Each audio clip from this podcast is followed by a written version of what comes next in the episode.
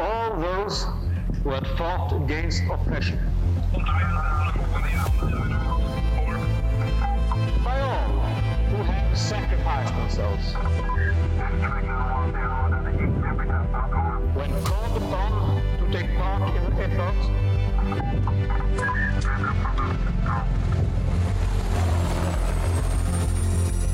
for freedom and peace. Det här är podden Tack för din insats med eh, mig, Filip Kneswitch. I tidigare i podden så har jag snackat väldigt mycket om eh, sammanträffande och eh, hur man ibland träffar på folk som man kanske inte riktigt anade skulle finnas runt omkring en. Men nu har jag även kommit fram till att det finns ju även folk som man lever väldigt lika liv som. Trots att det kanske skiljer lite år här och där så har man en ganska lika gång i livet. Och eh, just idag så har jag en sån gäst som eh, jag har ganska mycket gemensamt med på, på sina sätt. Och vi kommer nog nörda ner oss ganska djupt på eh, vissa specifika delar. Och den gästen då är ju min gäst idag, Jonathan Backlund. Välkommen till podden. Tack så mycket. Jättekul att vara här äntligen. Ja, vi har ju snackat om just att spela in här, ja, säkert ett halvår nu skulle jag säga, minst i alla fall, lite till och från. Ja, det Eh, stämma. Och vi tog och träffades lite på skjutbanan där för så här rosta av lite. Det var ju ett tag sedan vi träffades eh, innan dess då. Ja, det var det. Det jag och eh, Jonathan, vi läste ju Brandman samtidigt. För, eh, ja det är väl typ tio år sedan nu, eh, något sånt där. Ja. Eh, och då eh, vill jag inte minnas att vi, vi umgicks inte så mycket, men vi kände, jag kände till dig i alla fall, så det vet jag. Ja, nej, men jag kommer ihåg det också. Vi, eh, vi träffades och pratades vid något tillfälle där och, och Ja. tjötade lite. Ja, vi läste ju, eh, du läste ju på plats då på skolan vet jag, Mm. och eh, jag läste på distans, så vi träffades ju lite sådär chockvis då liksom, när, Ja. när min klass kom upp liksom. Precis. Ja, man hade väl inte så jättemycket mer att göra, men man, man såg er på övningsfältet där på, på skolan. Jag har också med, någon gång var vi på fest tillsammans borta på andra sidan bron där kanske. Ja, på andra sidan bron där ja. ja, Men eh, det kommer vi komma in på eh, betydligt mer nu, så eh, ni som lyssnar får ju hålla i hatten sen när vi börjar komma till lite nutid, för då kommer vi nog nörda ner oss i brandkåren. Men jag tänkte att som i sedvanlig ordning så ska vi köta lite om dig och, och Mm. hur du kom till där du är idag. Så jag tänkte vi börjar i Mm. början, lite hur du växte upp och, och hela den grejen. Ja, eh, ja, jag växte upp i Hindås. Som är eh, en litet samhälle på ett par tusen invånare eh, precis mellan Borås och Göteborg. Så det är exakt lika långt till Borås och Göteborg. Så det har hela tiden varit under uppväxten. Vart ska jag åka någonstans när jag ska åka till stan? Men det har alltid blivit Göteborg. Eh, av olika anledningar då. Så därför pratar jag kanske lite mer göteborgska än Boråsmål då, om man säger. Och när du växte upp i Hindås, för vi är ju inte jättelångt därifrån nu heller. Nej. Vi är faktiskt hemma hos eh, mig idag som bor i Ja. Bollebygd. Mm. Men när du växte upp där, var, vi snackade lite förut, och då sa du att det var lite ute i skogen. Ja, det, det är ju lite utanför Hindås. Det är ett eh, lite, litet samhälle, eller några hus egentligen. eh, En grusväg in. Tullebo heter det. Eh, som ligger mellan eh, de två sjöarna i Hindås, östra och västra Nedsjön. Där är jag uppväxt och där bor mina föräldrar fortfarande. Kom därifrån nu faktiskt. Det passar ju bra. Åka hit till Bollebygd. Här har man ju hängt en hel del i sin uppväxt. Ja, den stora metropolen eh, Bollebygd. jajamensan. Ja, Björn Rosenström bor ju faktiskt där. Det är lite Ja. häftigt. Det är fränt. Ja.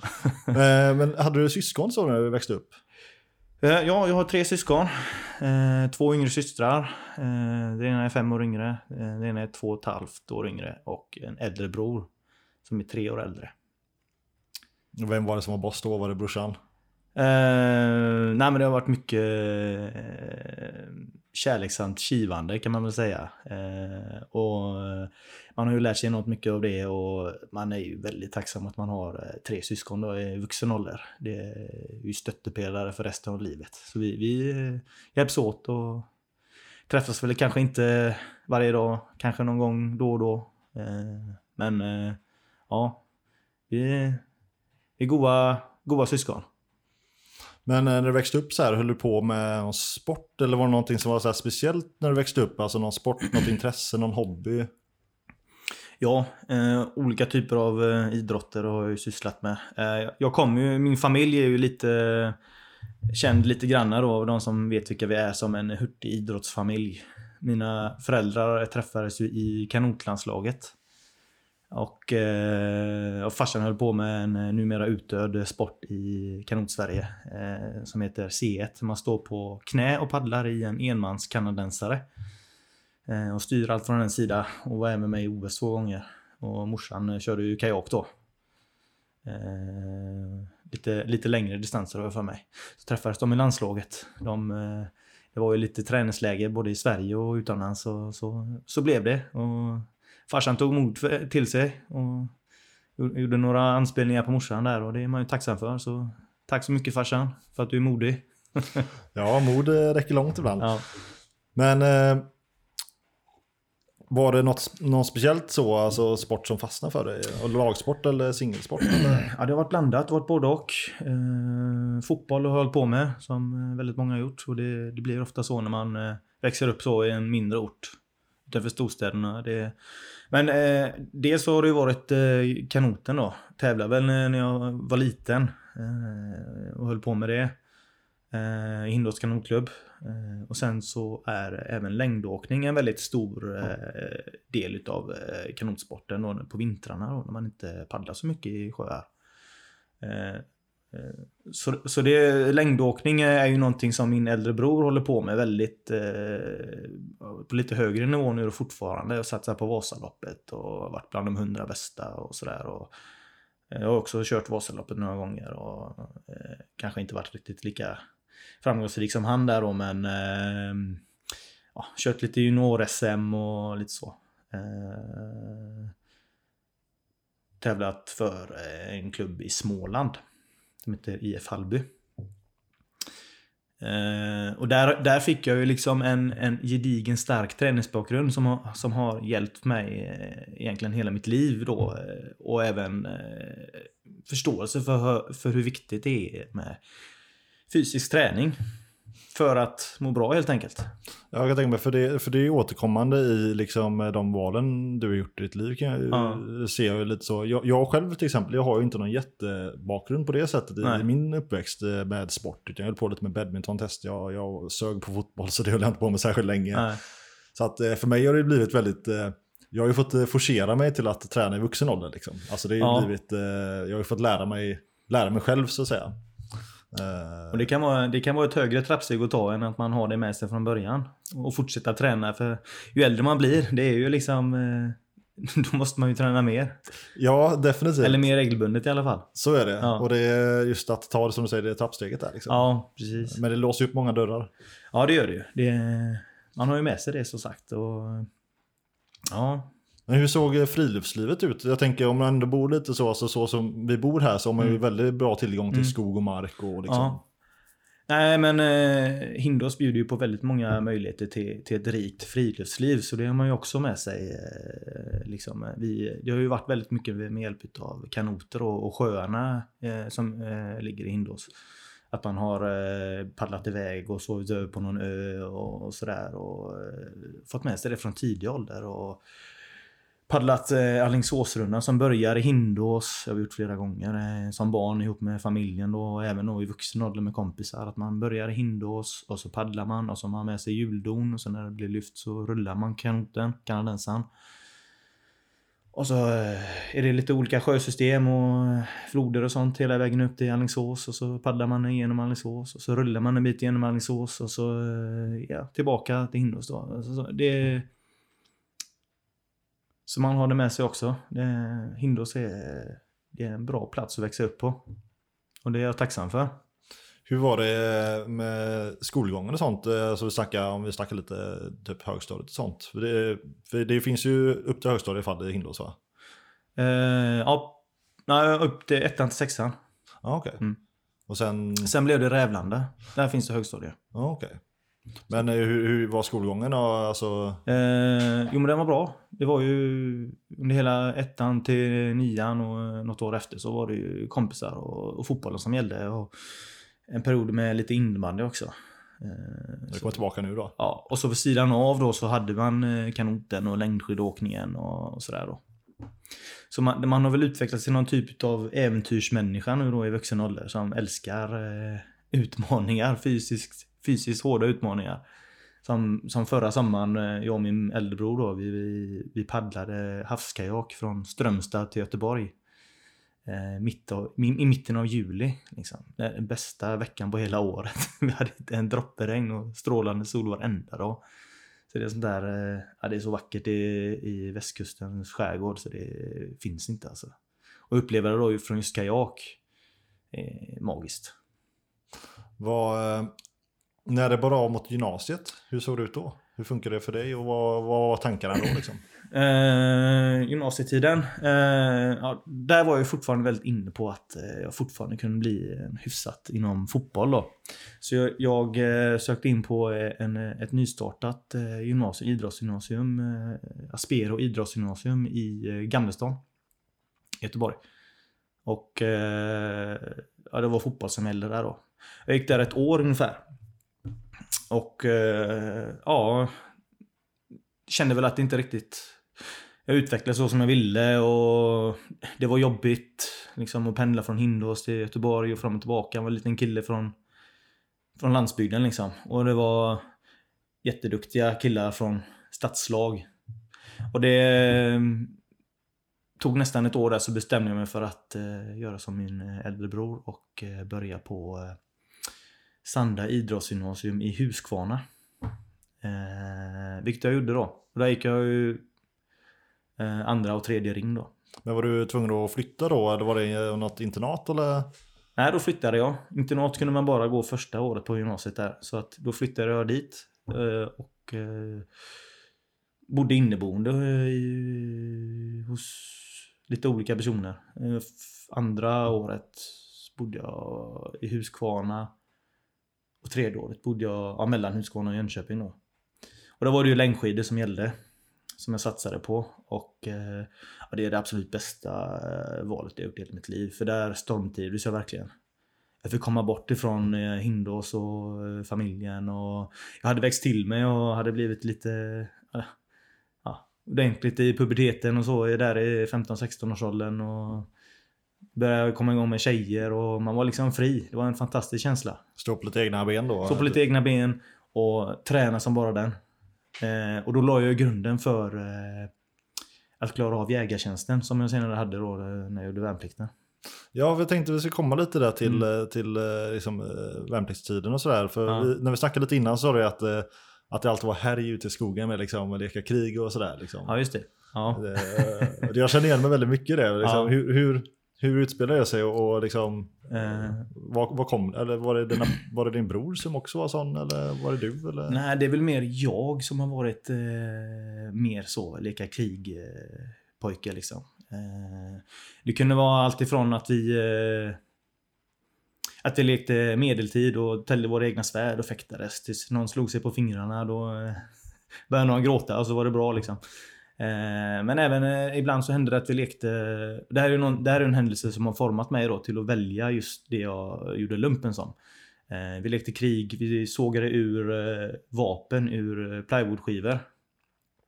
Ja, något liknande någon gammal Kalashnikov kanske. Målade lite fräckt och så satte vi ett balsnöre som rem. Vapenrem och sprang ut i skogen och sköt på varandra och hade uppgjorda regler på hur det skulle gå till och sådär. Och då skulle man ju alltid välja vad man skulle vara för eh, typ av soldat. Eh, och då sa min äldre kusin eh, Quinn heter han. Hans mamma är från USA då. Så han har fått ett eh, amerikanskt namn. Precis som i Dr. Quinn. eh, han sa det att det, jägare är ju det absolut hårdaste du kan vara. Och då kanske jag var 10-11 år någonstans. Eh, det är det häftigaste du kan vara. De ligger bakom fiendens linjer och spanar och jagar. Liksom. Eh, så då, skulle, då var jag ju alltid jägare. Och sen så växte det inom mig, om man nu ska göra värnplikten någon gång, sen när jag blir äldre, så ska det vara som jägare. Och det var redan från tidig ålder. ja, för jag minns ju, jag, jag lekte väldigt mycket själv då i ja. skogen, krig så här liksom. Vi kallade det för vi kallar det för minilumpen liksom. Mm. Så här, vi byggde också så här, kojor och oplatser liksom. Så ja. vi låg ju så här, hade oplats mot eh, något motionsspår där liksom. I ja. typ tre timmar så låg vi bara och observerade folk som var ute och joggade så här. ja. Med lite, någon, eh, lite godis och grejer liksom. Ja. Sitta och tugga på. Men jag blev aldrig sugen på jägartjänst, eh, konstigt nog. Nej. Eh, Men eh, ja, för mig, för mig kom det lite annorlunda, hela militärgrejen. Ja. Men du ja. gjorde i alla fall alltså den klassiska värnplikten om man nu kan kalla det så. Ja, det, det var ju 2008 då där. eh, Jag tror att de tog bort värnplikten eh, 2010 va? Ja, de tog bort, ja precis, för jag, Ja. exakt, jag tog ju studenten 10 och då skulle Ja. jag ju, ja, det var ju så väldigt konstigt. Jag blev inkallad men ändå inte och Mm. fram och tillbaka. Eh, nej precis. Eh, det var ju som så att när det började närma sig och, och mönstra. Då läste jag väl på lite vad det egentligen innebar. Och eh, hade den här träningsbakgrunden då från, från längdskidåkningen då som eh, ja, nära på eh, elitåkare får jag väl ändå säga att jag var. Eh, där och eh, med ett JSM-brons i lagstafett och lite sådana grejer. Så då eh, kände jag väl att det här kan nog gå vägen. Jag läste på vad de hade för krav och sådär. Och, eh, tog ju både buss och spårvagn in till regementet där i Göteborg, i Kärenberget. Och, eh, gick in genom vakten där. Blev knappt insläppt först. De eh, skojade lite med mig i vakten. så, oj, oj, oj. Ja, men så kom jag in där och, och eh, eh, gjorde det fysiska och körde skiten ur mig. Och eh, sen var det ju bara det psykiska kvar då. Eh, och eh, då var det ju en extra, eh, extra samtal med en psykolog man fick göra där då som, eh, som för, för, för att få göra jägartjänst just. Och som jag fick nästan köta mig till att göra kände jag. Jag fick vänta jätte, jättelänge. Och, alltså, jag sa ju direkt så här att jag, jag är jättemotiverad till att bli just jägare. Eh, vilken jägartyp som helst Utav de som finns i Sverige då. Eh, jag vill inte göra lumpen annars. Ja, vi har... Eh, vi har... Eh, vi har egentligen fyllt alla de platserna för i år. Men jag ska kolla vad jag kan göra. Och då var det, det var om det var en eller två platser över. Så då fick jag lov att göra jägartestet då som var utöver de andra fystesterna för de som har mönstrat. Gjort värnplikten så var det ju då man skulle göra enbensknäböj kommer jag ihåg med en eh, ryggsäck. Så jag kommer inte ihåg hur mycket den vägde men eh, man skulle göra ett visst antal eh, under en viss tid då. På en, och, bänken var ju väldigt låg, den kan vara 40-50 cm bara liksom. Och resa sig upp för att påvisa att man har just den benstyrkan som krävs också. För, för att bära så pass tungt som- man ändå gör som jägare i vissa situationer. Med stora, stora ryggsäckar. Men jag tänkte på det, hade du någon i familjen eh, som, som hade någon form av anknytning till militären? Nej. Utan hade, hade din farsa gjort värnplikten? Ja, jo, farsan har gjort värnplikten givetvis. Så, eh, Brorsan? Eh, inte brorsan. Nej. Han, han ville ju satsa på, på längdskidorna då. Vilket jag också hade gjort om, om jag inte hade fått göra värnplikten.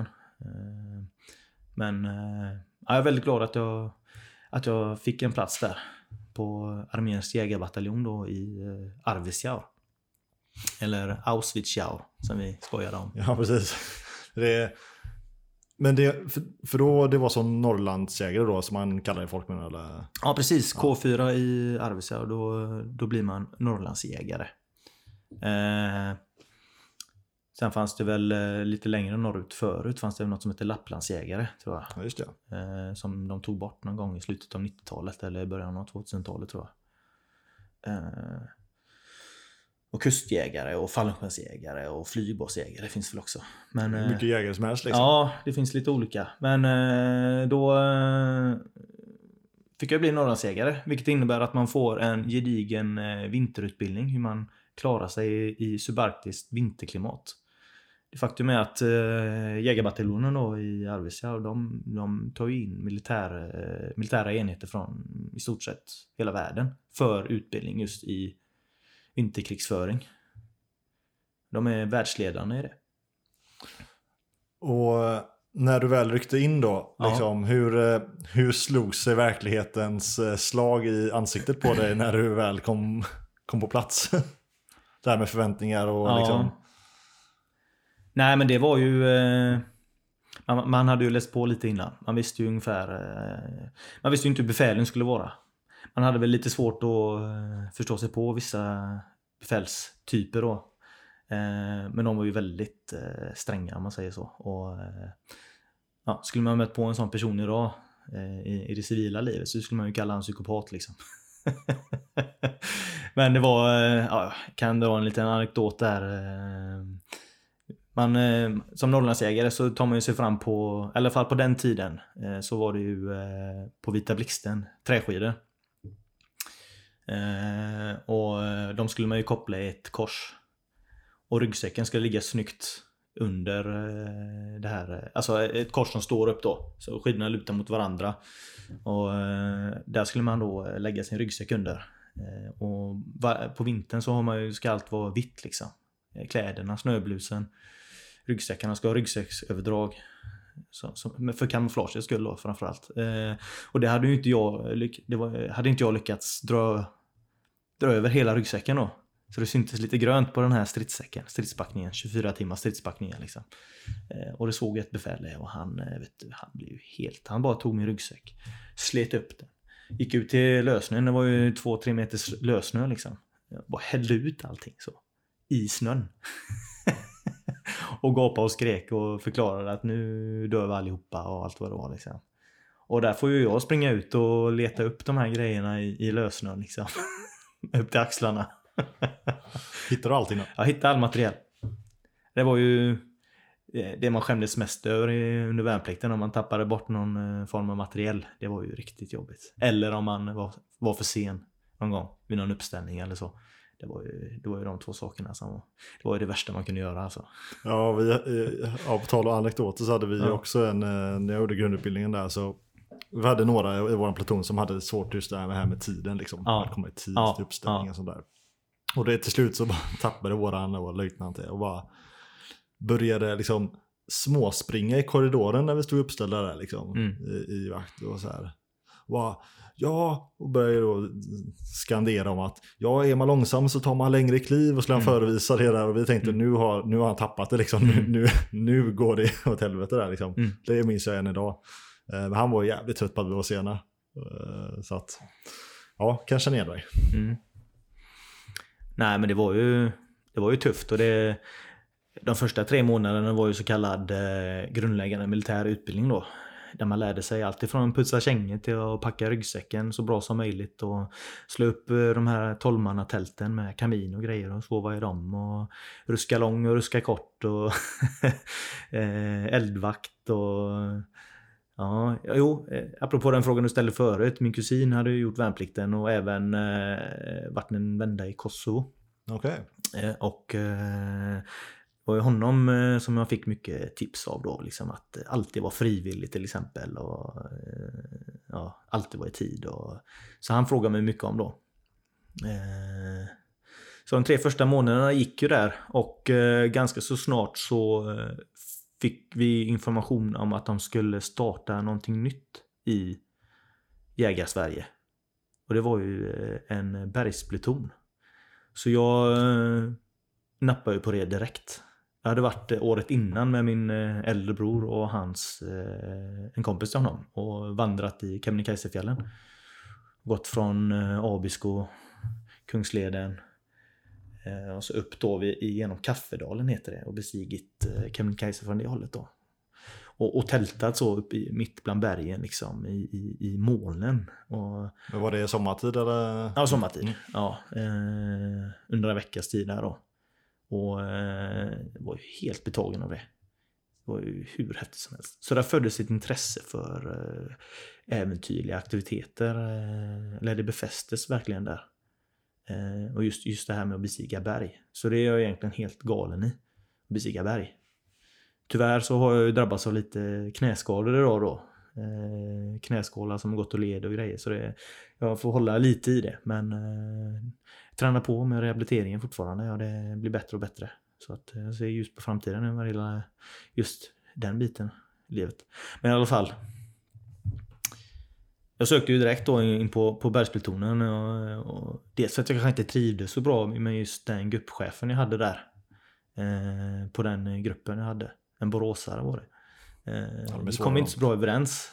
Men samtidigt kan jag ju tillägga att jag var ju en eh, lite halvkaxig liten typ eh, där eh, när jag var 18-19. Och ryckte in och gjorde lumpen där 2008. Det var ju och hade kanske lite, lite svårt med vissa befäl och sådär. Eh, men de, eh, de bröt ner mig också och gjorde mig till, till en soldat. Och jag är med med den idag. Det som hände den perioden. den har blivit idag. Det är jag väldigt tacksam för, till just värnpliktstiden där och arméns jägarbataljon. Men hur gick det? Kom du in på den bergsplutonen då? Jag kom in där. Mm. Eh, det var ju en uttagning. Var var den placerad någonstans? Var det också uppe i... Ja, det var ju på eh, regementets marker så att säga. Okej. Övningsfältet. Eh, eh, och lite runt omkring. Och det var ju i, mitt i vintern då givetvis. Fortfarande i, eh, vad blev det, jag ryckte in i januari tror jag, 2008. Och det var ju någon gång där i mars, april kanske.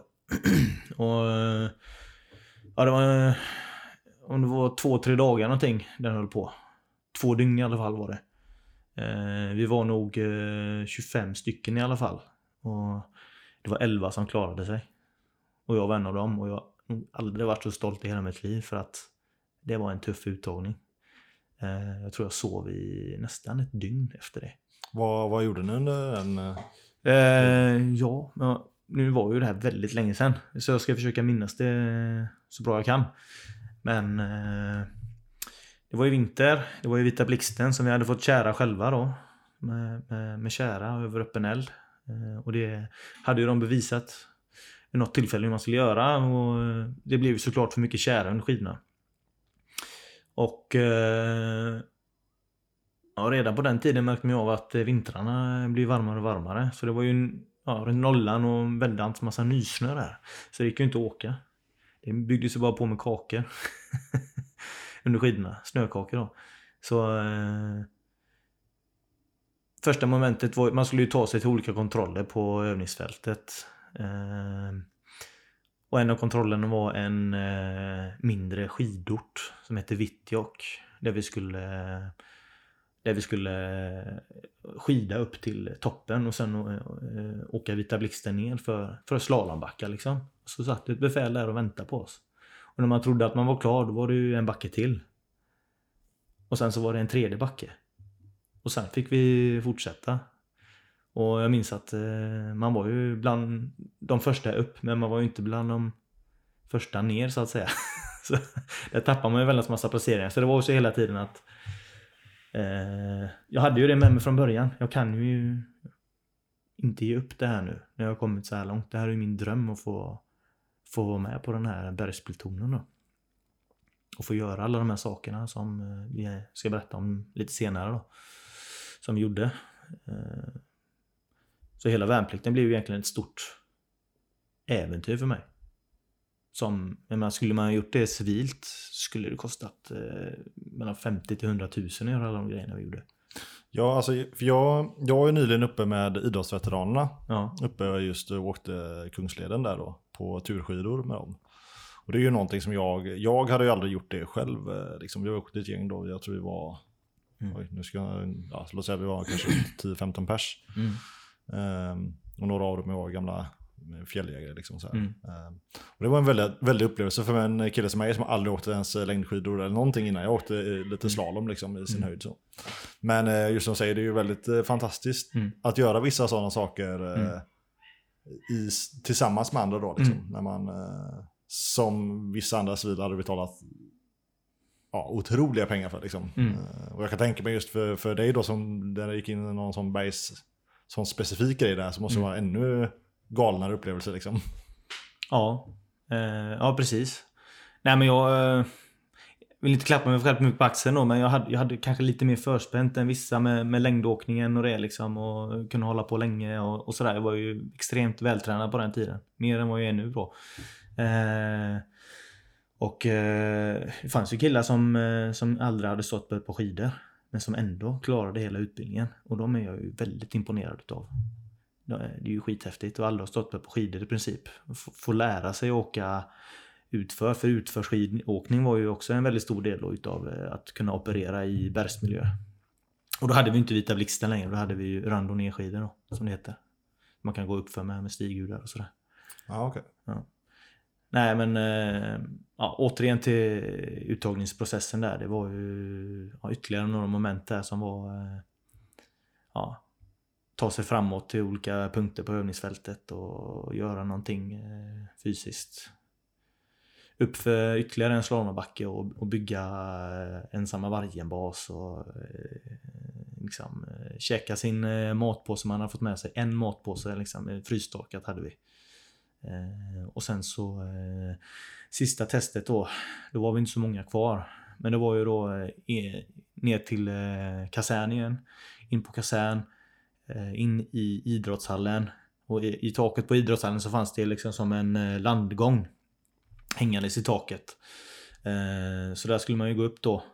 Och då hade de visat hur man knyter sin egna sele av en eh, sling. Eh, en sån här 240 sling liksom. Eh, och då hade man fått knyta den då, tagit på sig den här selen, kopplat ihop en karbin och eh, gå upp i taket. Där uppe står ju det här nu då för oss extremt stränga befälet som hade hållit i själva uttagningsprocessen och varit den som gett oss alla direktiv. Han stod ju där uppe.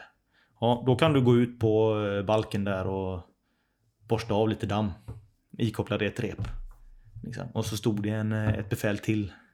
Som, eh, ja, de var ju militära bergsguider då. De hade utbildats till det i Österrike. Så de var Sveriges första militära bergsguider de två. Eh, så han stod där nere med, med repbroms på golvet i idrottshallen. Och så man fattade ju vad som på gång liksom. Så när man hade gjort det där, då var det liksom bara, ja, då kan du luta dig bakåt. Och så tvekar man ju givetvis. Och då var det liksom bara, nu lutar du dig bakåt. och jag tänkte att, ja, det är nu eller aldrig, jag måste göra detta. Och liksom, bromsa där nere, så man liksom stannar precis ovanför golvet. jag tänkte, stod man där och tittade på eh, nästkommande då. Det var ju någon kille som dunsade i lite lätt, kommer jag ihåg. Liksom. Det var helt galet. Och sen då, då trodde man ju att man var klar. Då var det ju dags att skida vidare till, till en skjutbana 5 km bort som vi alla hade varit på. Eh, några veckor tidigare. Eh, och jag tänkte nu ska jag bara dra iväg liksom. Så jag drog iväg. Låg först, tänkte jag ligger bra till nu. Om det kommer någonting mer sen. Då kommer det liksom en bil och kör kapp oss och säger att övningen avbryts. Återsamling på kasern. Och där stod vi, 11 stycken. Och eh, ja, grattis, ni har klarat er. Välkommen till Sveriges första bergspluton. och den känslan var ju det var det bästa som har hänt alltså. Det brukar annars vara en sån farlig känsla där när man, eh, åh nu är vi snart klara eller ja. så. Och så det är liksom då man ofta brukar få den där, nej just det, det är ett dygn till eller ja. Vi visste ju inte. Nej, men då, då kände du ändå att du var ja. så motiverad? Eh. Ja, då, jag vet inte vad som hände med mig då. Jag var egentligen helt slut. Men eh, det finns ju lite till. Alltså, många som har gjort värnplikten vet ju det att eh, man klarar ju av så enormt mycket mer än vad man tror. Rent fysiskt.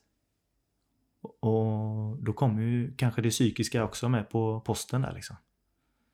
Eh, så då, det överraskade mig där. Att jävlar, jag har ju en... Vilken kapacitet jag har ändå, trots allt. Man kan säga att eh, du någonstans där hittade uthålligheten då, alltså den, eh, ja. den mentala uthålligheten på ett annat sätt. Eh, ja. För det fysiska verkar ju som att du hade med dig sedan tidigare. Ja. ja. Nej men så var det ju. Det var ju då jag förstod det. Liksom. Och vad, hur, hur länge var du då på bergsplutonen liksom? Var det det var ju eh, tyvärr då bara, jag var ju vanlig eh, basse så att säga. Eh, jag blev senare signalist då. Och bara runt på en radio 180 men jag var ju, vi, vi höll på i åtta månader bara. Och vi hade ju inte tid att lära oss några andra vapensystem än just AK5 Caesar då. Så det var ju lite tråkigt. Men det kom ju senare.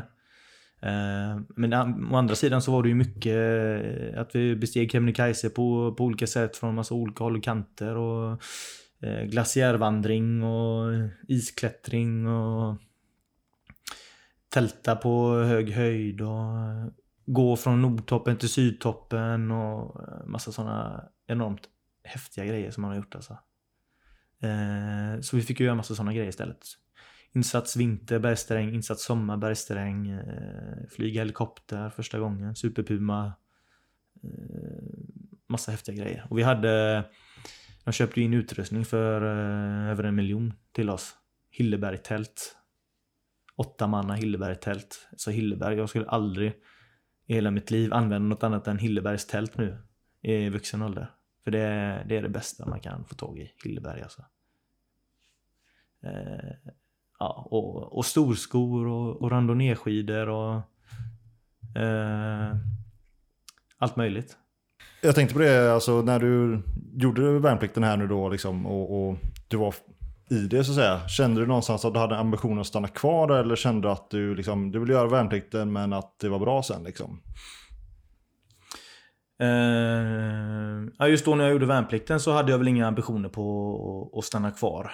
Eh, utan eh, vi hade en eh, backpackerresa planerad, jag och några kompisar, eh, efter jag hade muckat där i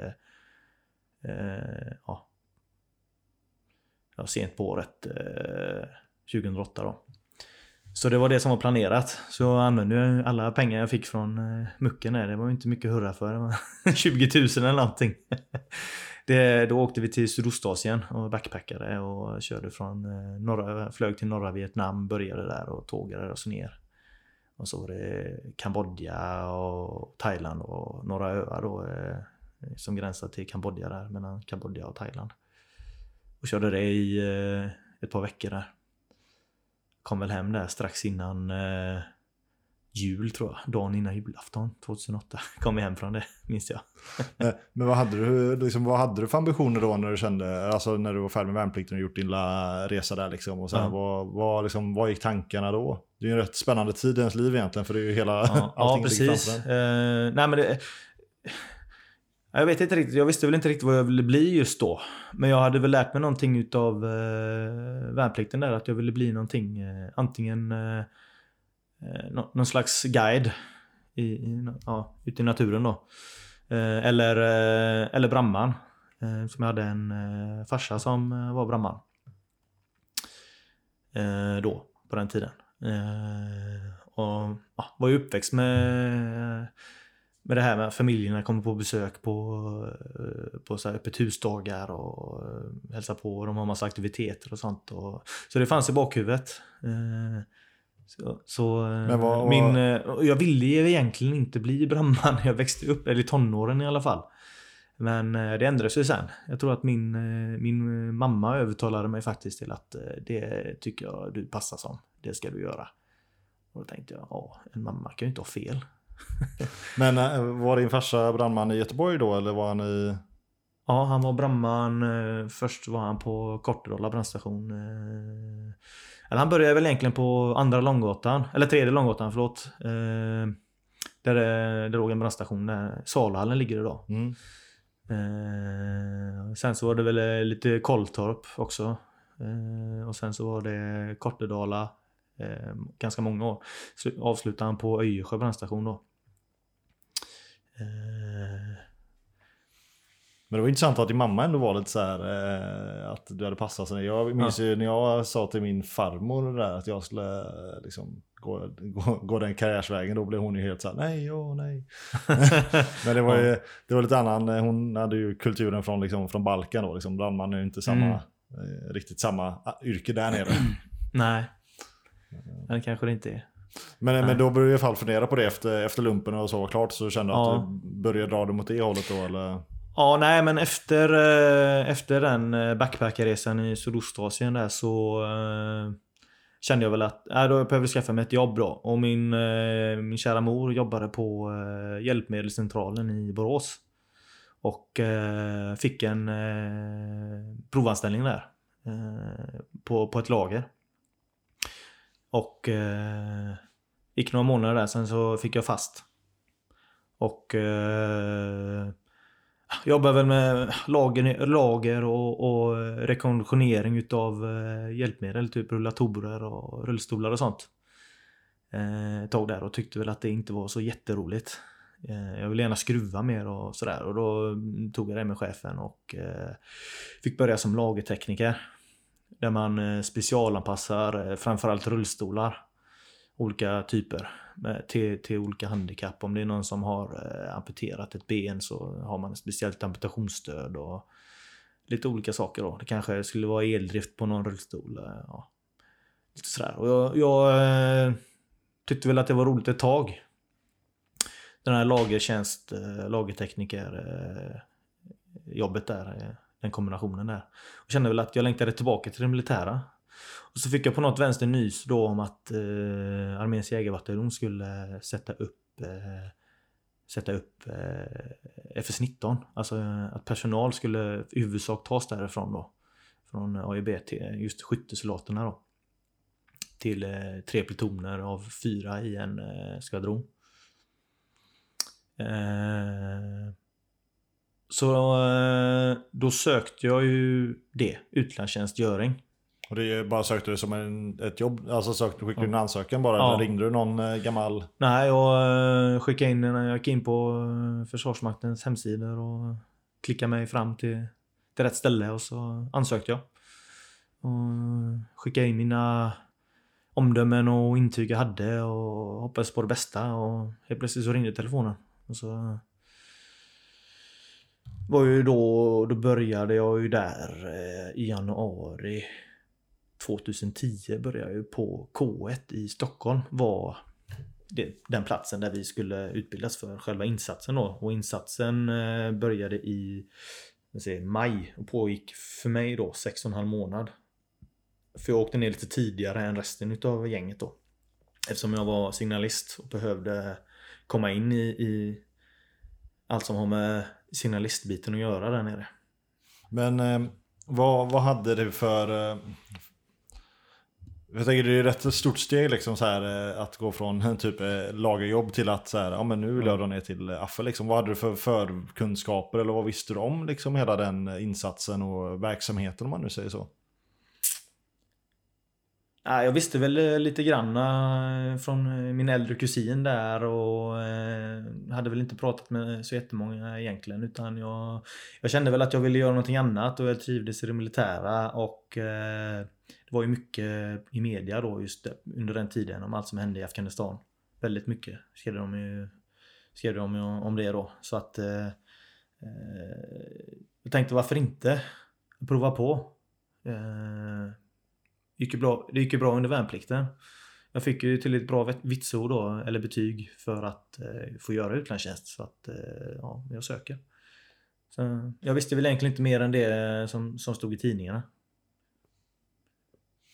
För jag tänker, eh, det är ju många som jag har pratat med som har åkt på insats för att de blev lite inringda av sina polare eller liksom Mm. sådär. Kände du någon, alltså när du, när du väl blev antagen då, var det någon som du kände sedan innan som du träffade där? Eh, ja, det gjorde jag faktiskt. Eh, min eh, gruppchef som jag hade när jag gjorde värnplikten, Gunnar, han gjorde FS18.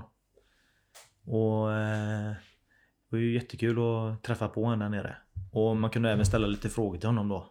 Eh, vi har ju tyvärr ingen kontakt idag då, men eh, eh, ja, en riktigt bra kille. Som, eh, som jag träffade där nere och då, då fick jag en eh, kasse med massa prylar som han hade haft. Till, alltså utrustning som man kunde ha nytta av då eventuellt. Och även en bajonett till en AK4 som jag har kvar än idag. Lite såhär goodiebag. Ja, en liten goodiebag fick jag. Så det var ju roligt. Men vad, vad sa dina föräldrar när du sökte? Eller hade du liksom sökt först och sa du till dem sen? Eller sa du? Nej, jag sökte ju utan att säga någonting såklart. Eh, Jag ville ju inte att morsan skulle, och farsan skulle gå runt och tänka på det. Utan om jag kommer med så tar jag det då. Så, Och hur reagerade de? eh, sådär, om jag minns rätt. Eh, det var väl kanske inte det de hade hoppats på. Men eh, ja, jag åkte ändå. Morsan var ju mest, visade det mest i alla fall. Men de var ungefär samma där tror jag. Och eh, jag tänker, hur var utbildningen inför när du åkte? Alltså, för du sa ju att när du gjorde värnplikten där så att, hade inte så mycket tid att lära dig så mycket vapensystem till exempel. Mm. Eh, men jag antar att utbildningen inför missionen, alltså missionsutbildningen Mm. måste ju varit eh, lite mer, lite bredare så. Han var lite bredare där. Då, eh, som sagt, jag skulle ju få en eh, form av kombitjänst men eh, ja, min tjänst var Rifleman Radio Operator på, på skyttekompaniet Quebec Lima då. På Camp Northern Lights. Som ligger i ja, norra Afghanistan. i ja, mellersta delen av norra Afghanistan i en stad som heter Mazar-e Sharif. Eh, så det var ju en kombination utav, eh, ja, huvuduppgiften var ju då radiooperatör, signalist eh, på gruppnivå då, gruppsignalist. Sen så var det ju granatgevärsskytt eh, och laddare. För man sitter ju, man är ju någon gång på två personer som sköter granatgeväret. Och sen så var det även en galtförarutbildning då, eller Galt RG32.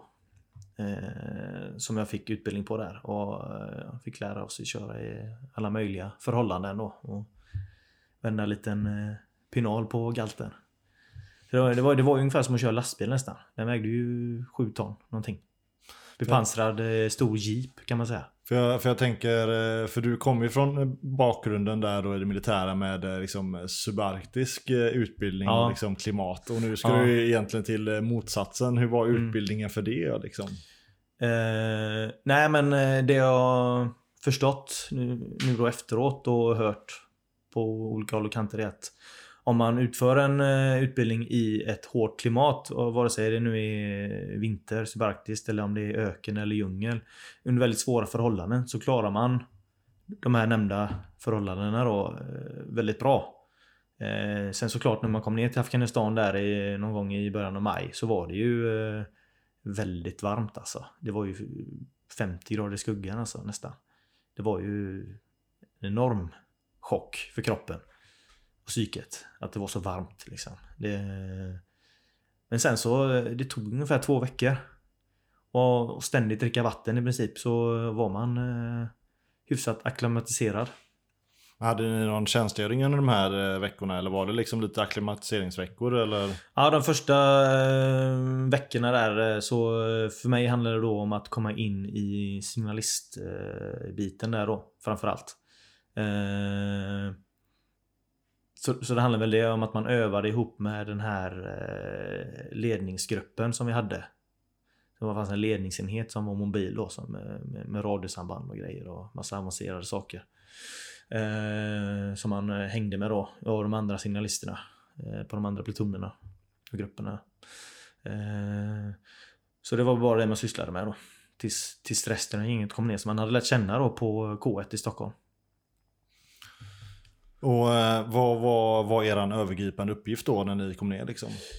Ja, vår övergri övergripande uppgift eh, gick väl i huvudsak ut på att eh, visa upp oss eh, där det behövdes som mest. Samla på oss information.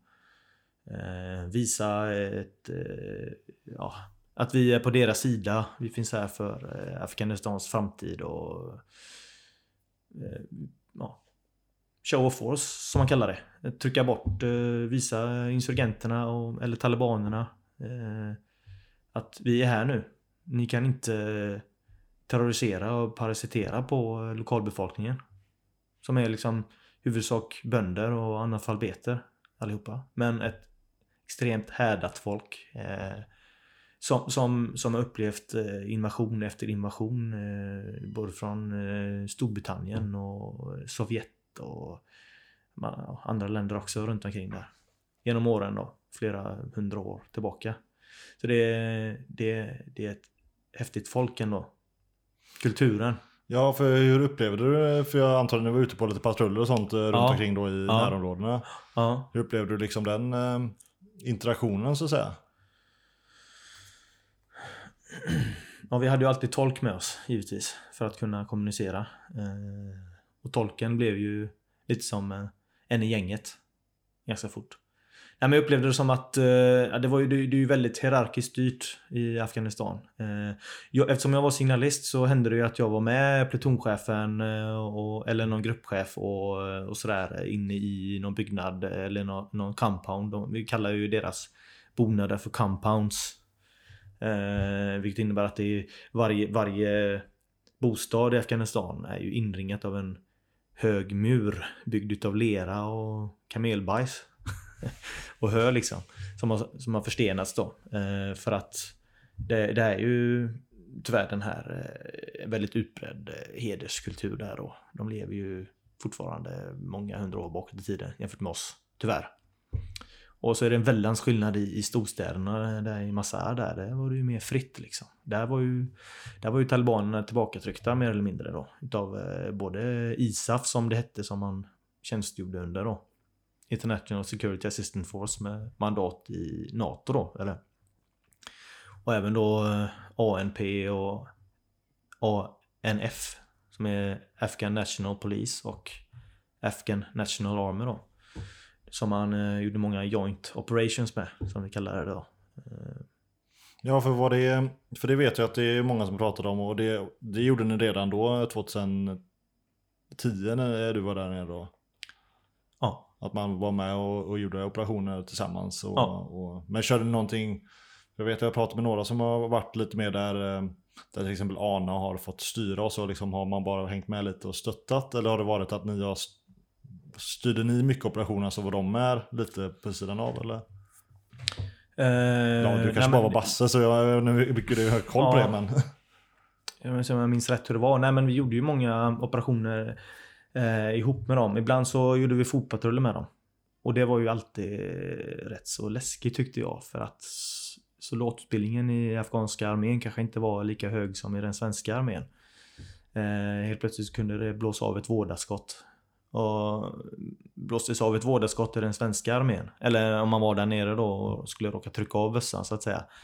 Eh, då kunde ju det betyda att du fick åka hem helt enkelt. Beror ju på situationen givetvis men eh, Men de eh, kunde ju skjuta i luften för skojs skull ibland liksom. Så det var, ja, jag kommer ihåg en. ja. Vi skulle göra en operation i, eh, vi kallar det för dödens triangel. Det var, om man tänker kartan, tre byar och så drar man streck mellan byarna och blir en triangel. Där hade eh, där hade de utfärdat att det var en högre hotbild då. De hade ju span och information om att där fanns det insurgenter. Och då skulle vi eh, ta en höjd som eh, kallades för Alisai Hill. Som det skrevs rätt så mycket om i tidningarna. Och vi kallade den här höjden för Kullen. Och vi skulle, vi skulle ta den kullen. Det var liksom ett anfallsmål.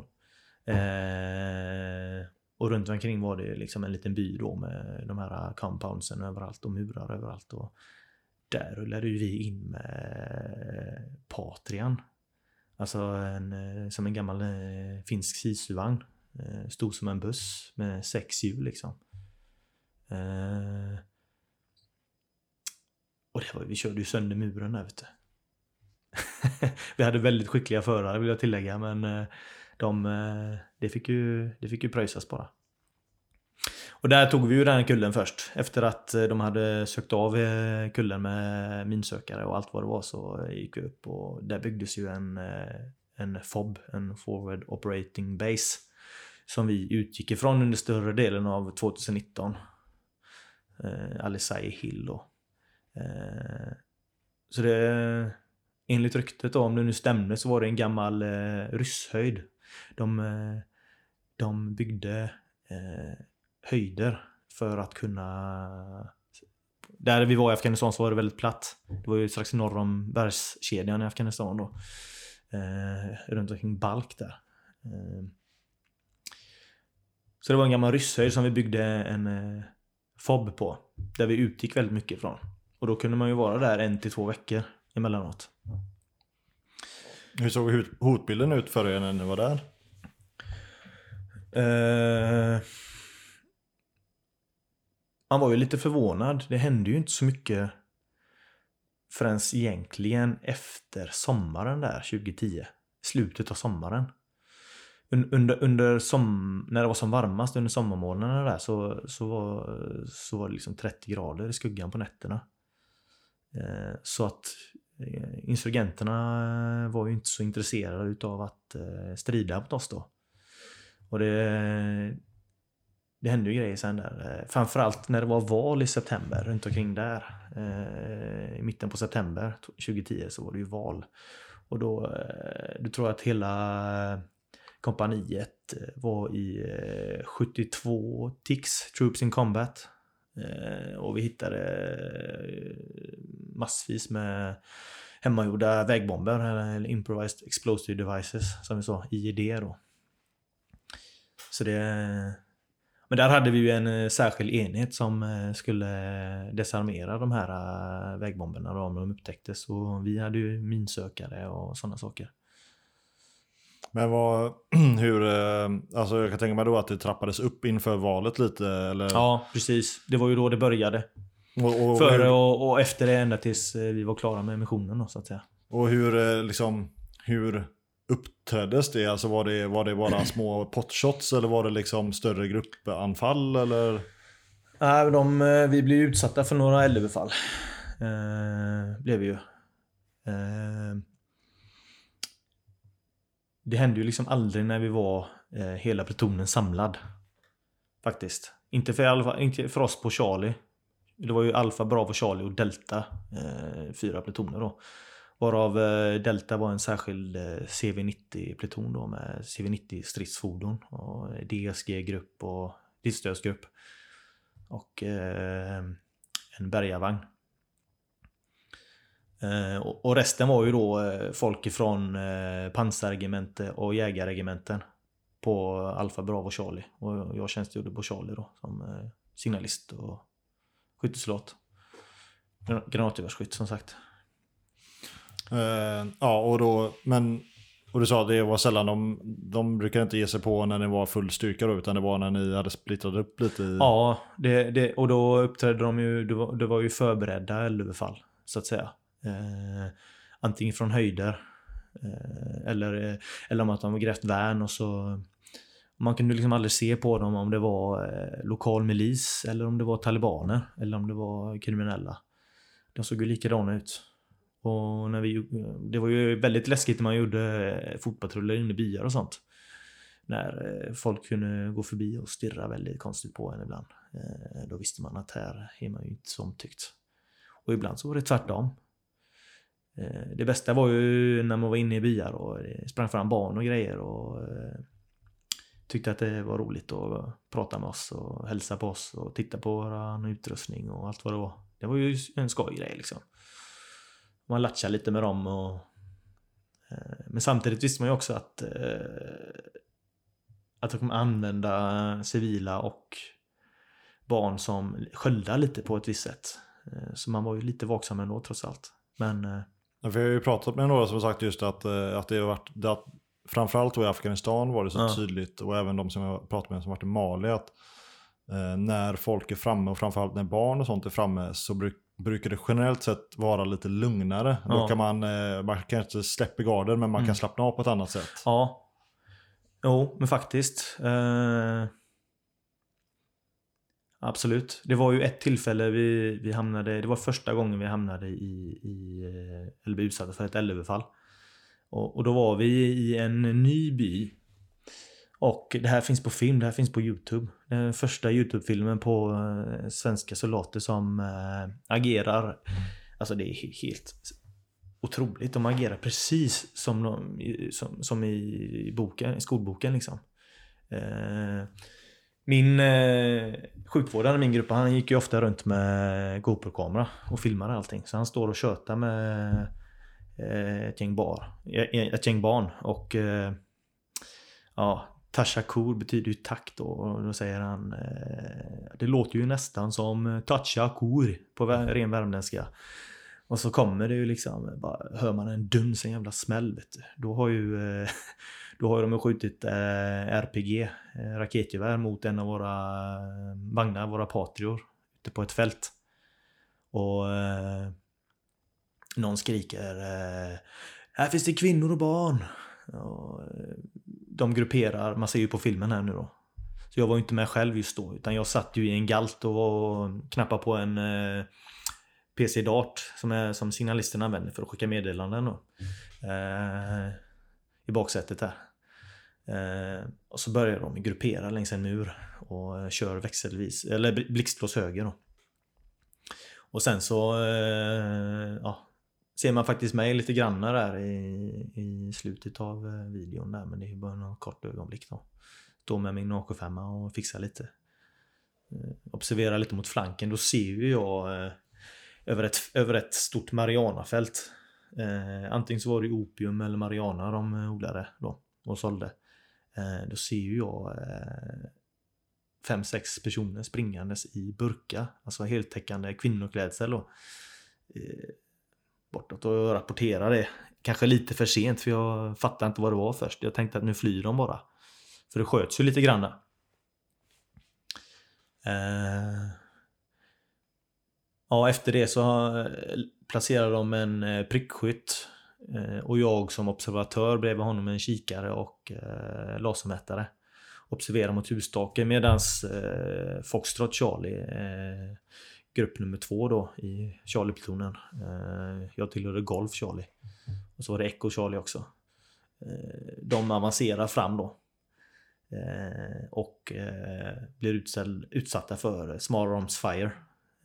Och han som går längst fram, han, han har berättat det här då. Jag var inte med själv då, som sagt. Jag låg ju på ett tak och observerade. hans kulspruta 90 kärvade ju. Han fick ju iväg några salver bara sen så... Och han eh, var ju jättetagen efter det.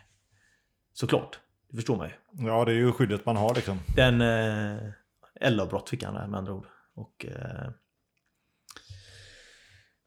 sen så framryckte vi faktiskt, jag vet inte om alla grupper framryckte, men under eh, under ledning utav eh, plutonchefen där och, och Steff, eh, plutonchefen och alla gruppchefer så framryckte vi in i den här byn för att anfalla helt enkelt. Nu skulle vi visa att eh, vi flyr inte. Liksom. Vi eh, körde ju där eh, längs murarna och eh, växelvis framåt och eh, det var hur varmt som helst och svetten bara rann och men hur, hur går tankarna när det ändå är så? För att som, som mig själv och som jag tror många som lyssnar har liksom, man har gjort detta på ja. övning och så här, liksom, man har ja. skjutit mot pappisarna ja. där liksom och så här. Ja. Hur går tanken när, när man vet att det är skarpt liksom, när man ändå hör att pappisarna skjuter tillbaka liksom? Hur, hur... Det var ju egentligen bara mot eh, Patria-vagnarna och mot Foxtrot Charlie det sköts där. Det sköts inte eh, mot mig någonting eller de jag hade runt omkring mig. Eh, men eh, man var ju beredd på det hela tiden. Och vi sökte igenom en byggnad där efter bombtillverkning och sånt. Sparkade in en dörr kommer jag ihåg. Nej men hur tankarna går. Det som slog mig var ju att den här, all den här stridsträningen som man, som man har övat på ger ju resultat. Man bara man har ju övat det tills man, man var ju spyfärdig på det. Och då insåg man vilken bra eh, soldatutbildning man hade fått. För att alla eh, agerade precis enligt godboken.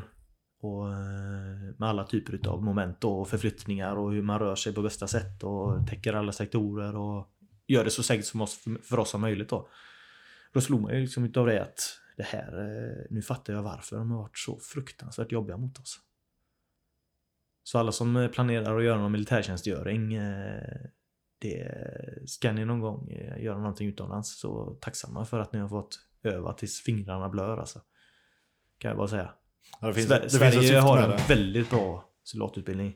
Ja, jag hade sagt det väldigt finns ett syfte, syfte oftast med drillandet. Ja. Liksom. Ja.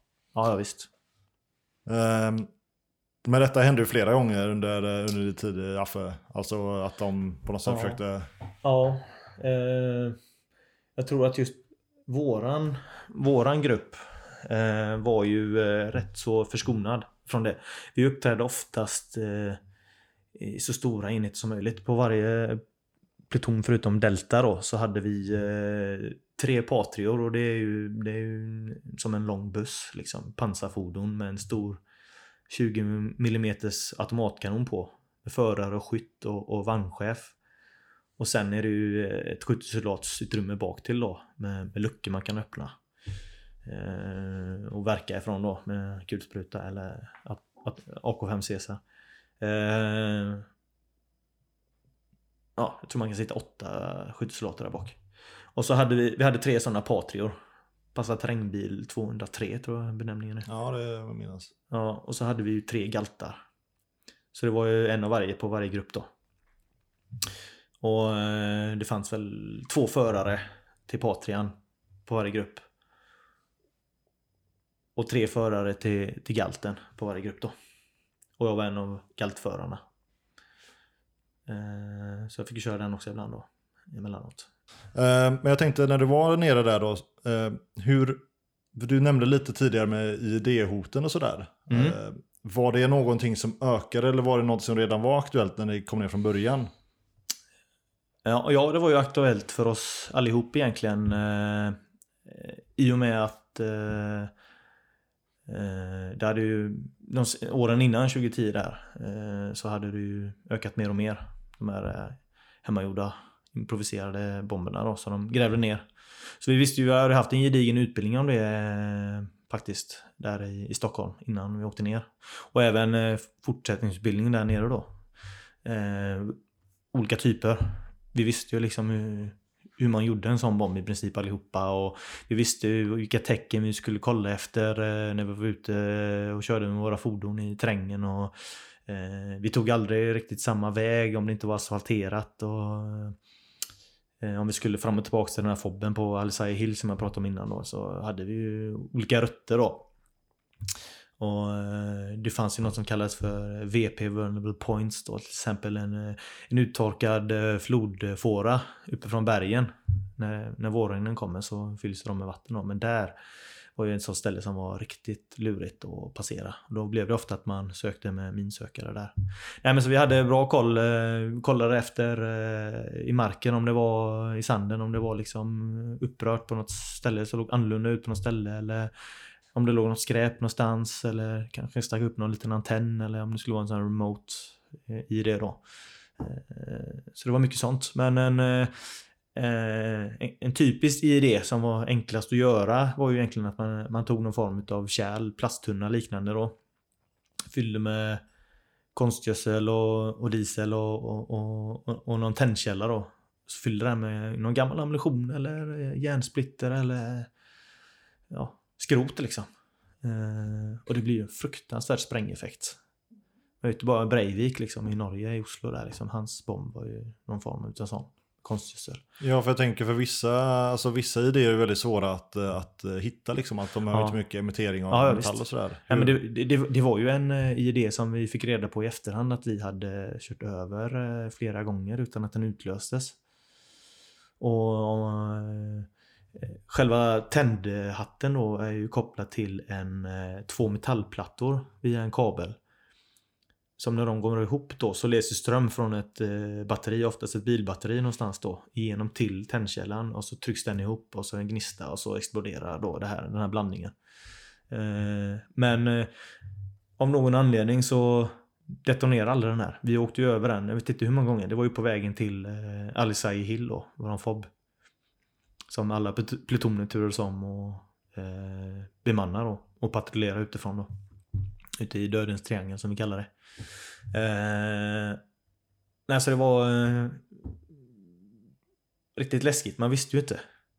Man visste ju inte. Och det kunde ju även vara i Afghanistan, det är ju ett, eh, på landsbygden i alla fall, ett, eh, det är utbrett jordbrukssamhälle då. Eh, De har ju inte, de har ju bara vatten under vårregnen egentligen. Eh, Och då eh, är det som eh, bevattningskanaler som går kors och tvärs.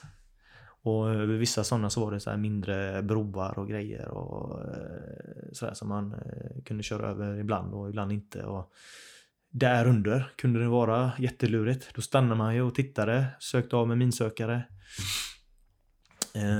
Vi hade ju även utrustning på våra fordon som kunde störa ut radiosignaler utifrån. Men eh, det sabbar ju våran egna VHF då, alltså sambandet mellan, som vi hade VHF-radio, så hade vi ju mellan fordonen då. Sen hade vi HF till, eh, till staben och, och basen då, Camp Northern Lights. Eh, med högantenner spända på bilarna då. Men, så det... Så, så det, eh, fick, det hade vi ju inte i början, det fick vi ju lite senare under insatsen. Den- Men eh, hur, eh, alltså hur, eh, hur, var det några gånger som ni eh, körde på eller, eller så var det några gånger som idéerna detonerade liksom? Ja, inte för oss på Charlie. Eh, och vad det nu berodde på.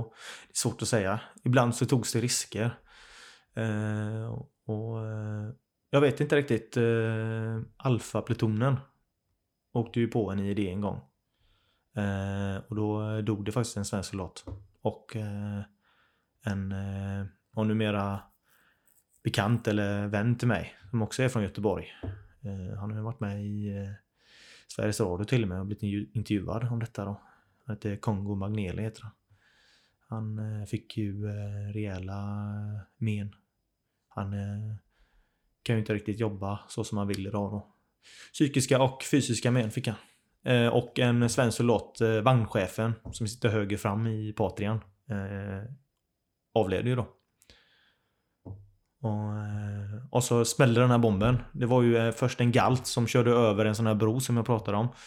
Eh, ingenting hände. Sen så kommer den här eh, ännu tyngre Patrian. Eh, och då smäller det. Och han, han eh, jag tror att han, om jag inte minns fel, då avled utav någonting löst föremål i, i hytten där. Lösa föremål var ju a big no-no. Allt skulle vara fastspänt. Eh, så han avled ju av det då. Och eh, de hamnade ju direkt i, i strid med eh, talibaner eller insurgenter av något slag. Och sköts en väldans massa. Och eh, ja, under den tiden, jag var ju inte ens med då. Jag har ju fått det här berättat för mig då. Eh, då låg jag på Camp Northern Lights och jag låg på, de hade ju ett eh, litet mindre sjukhus där kan man säga. Eh, där MMT-bilarna utgick ifrån. Eh, Medical Mobile eh, Transport. Eh, alltså som en ambulans egentligen, fast Patrio då. Eh, och där låg jag då med Jalla som vi kallar det, eller på ren göteborgska rännskita. med dropp och grejer. Så, här.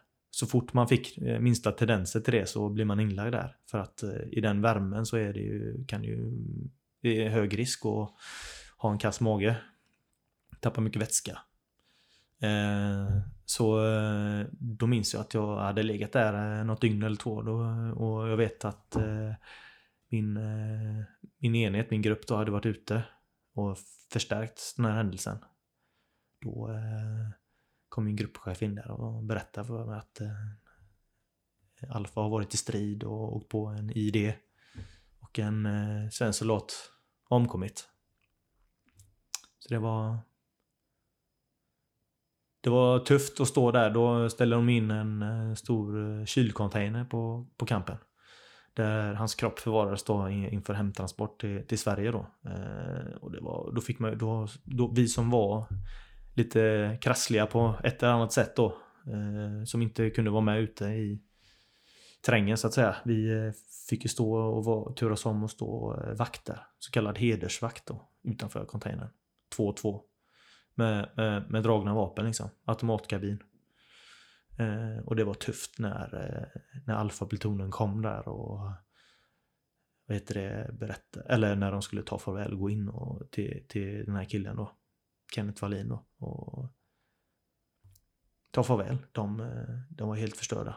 Helt förstörda var de. Verkligen. Det var, det var hemskt. Kom en tår där faktiskt. Ja, ja. Eh, För jag, jag har ju följt lite olika veteransaker såklart. Och, och det är ju ett namn som återkommer. Mm. eh, Såklart. Um, vad jag tänkte säga. Hur, hur väl var eh, banden mellan de olika plutonerna så att säga? Mellan Alfa och, och, och din och sådär. Alltså hur väl kände man varandra? Eller hur, hur nära jobbade man om man nu säger så då? Eh, det hände väl att vi eh, utförde operationer ihop. Eh, men oftast så rullade, rullade man plutonvis. Vi försökte uppträda på så många olika platser som möjligt där det ansågs att det var en högre riskbild. Och eh, vi, där skulle vi inhämta information och prata med bybor och eh, ja, någon byäldste. Något överhuvud i någon familj eller så vidare. Då. Olika problem och sådär. Eh, Ja, så man hade ändå lite känningar liksom mellan så men... eh, Ja, eh, jo men det hade vi ju. Vi, vi träffades väl, eh, vi hade, på campen hade vi eh, ett soldäck och vi hade en volleybollplan. Och där träffades man ju eh, och, och tjötade och även i matsalar och, och sådär och pratade lite men eh, man var ju väldigt knuten till sin, till sin grupp och sin, de andra pluto, eh, grupperna i plutonen då. I Charlie. Och på tal om mat lite, hur, var, alltså, hur såg matläget ut för er där nere? Matläget. Ja. Eh, på campen på, på Northern Lights så hade vi ju en eh, restaurang. Med enormt grymma kockar alltså.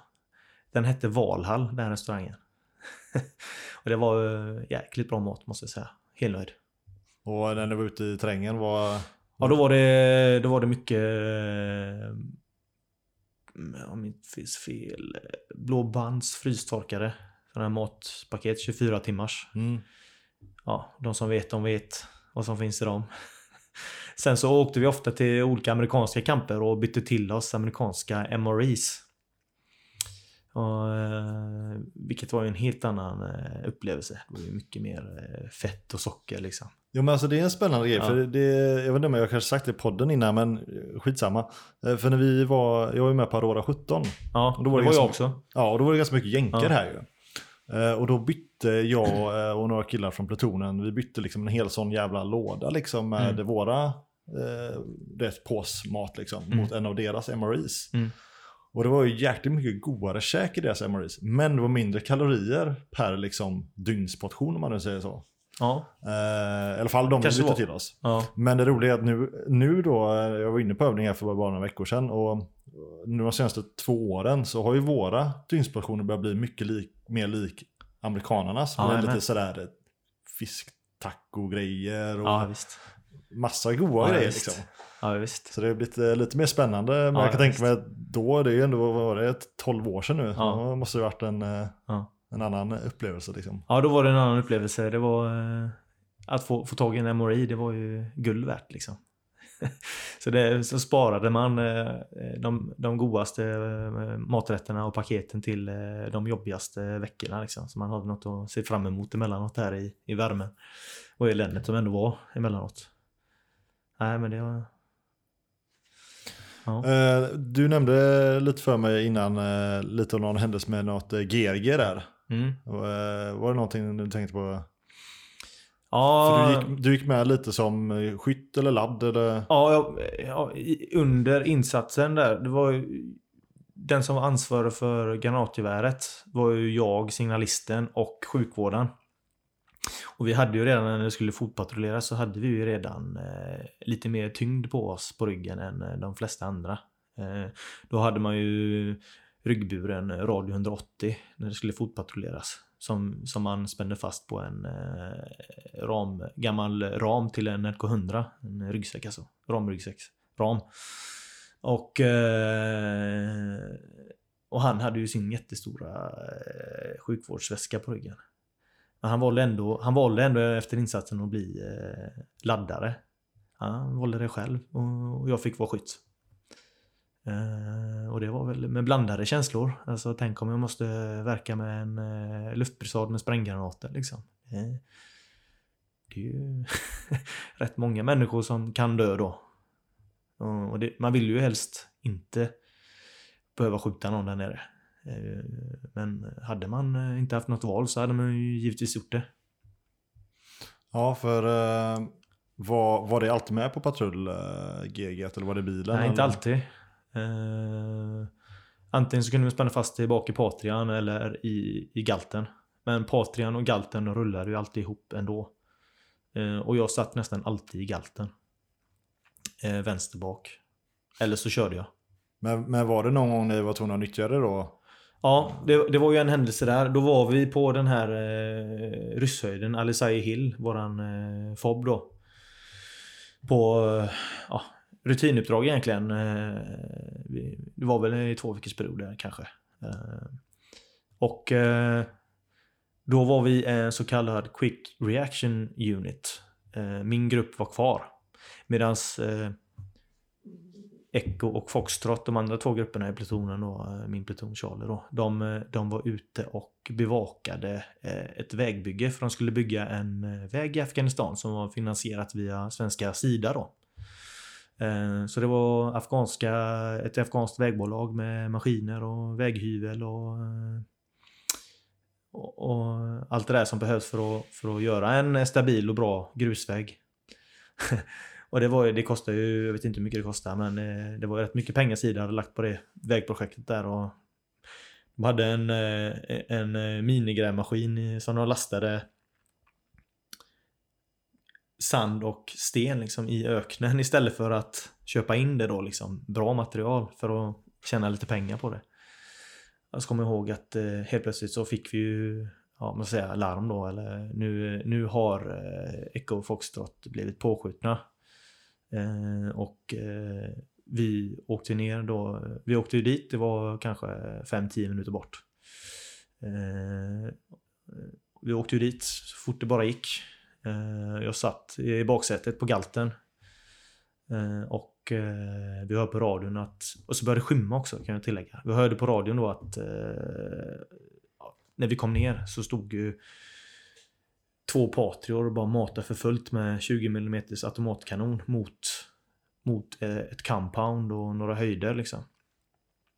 De bara matade bara Dum, dum, dum, dum. Alltså när man står bredvid en eh, 20 mm automatkanon då eh, känner man en tryckvåg kan jag säga. Som heter duga. eh, ja, men så vi åkte ner så fick vi, fick vi order ganska snabbt då. Eh, det var ju rätt så långa avstånd. Så det var ju bara Akan-kanonen som kunde verka. Eh, I stort sett. Men fick vi order om att skjuta GRG-lys. Och eh, min gruppchef och jag, han kunde ju alla vapen. Så, så sjukvården var inte med där som egentligen var laddare, han var någon annanstans. Eh, vi grupperade oss som en GRG-omgång och så gjorde två GRG-omgångar till det. Fast några, ja, några hundra meter i sidor liksom. Så vi var som en linje med tre GRG-omgångar tror jag. Och vi skulle skjuta två lysgranater var. Och eh, grejen var ju den att i, i Sverige så hade vi haft en veckas utbildning för att få skjuta GRG. Och sen hade de lagt in det i olika övningar eh, då. Där vi hade skjutit GRG. Men då hade man ju fått skjuta mest rök för de är ju billigast. Rökgranaterna. Det finns ju rök, spräng, lys och eh, RSV, riktiga sprängverkan då mot pansarfordon. Eh, som de använder i Ukraina nu då. De har ju tagit ut en T90 stridsvagn här tydligen. Det är lite intressant. Att det går. Den, är en av de modernaste ryska stridsvagnarna. Har de tagit ut med ett GRG. Mm. Eh, nej men, eh, nu har jag ett sidospår där. Men eh,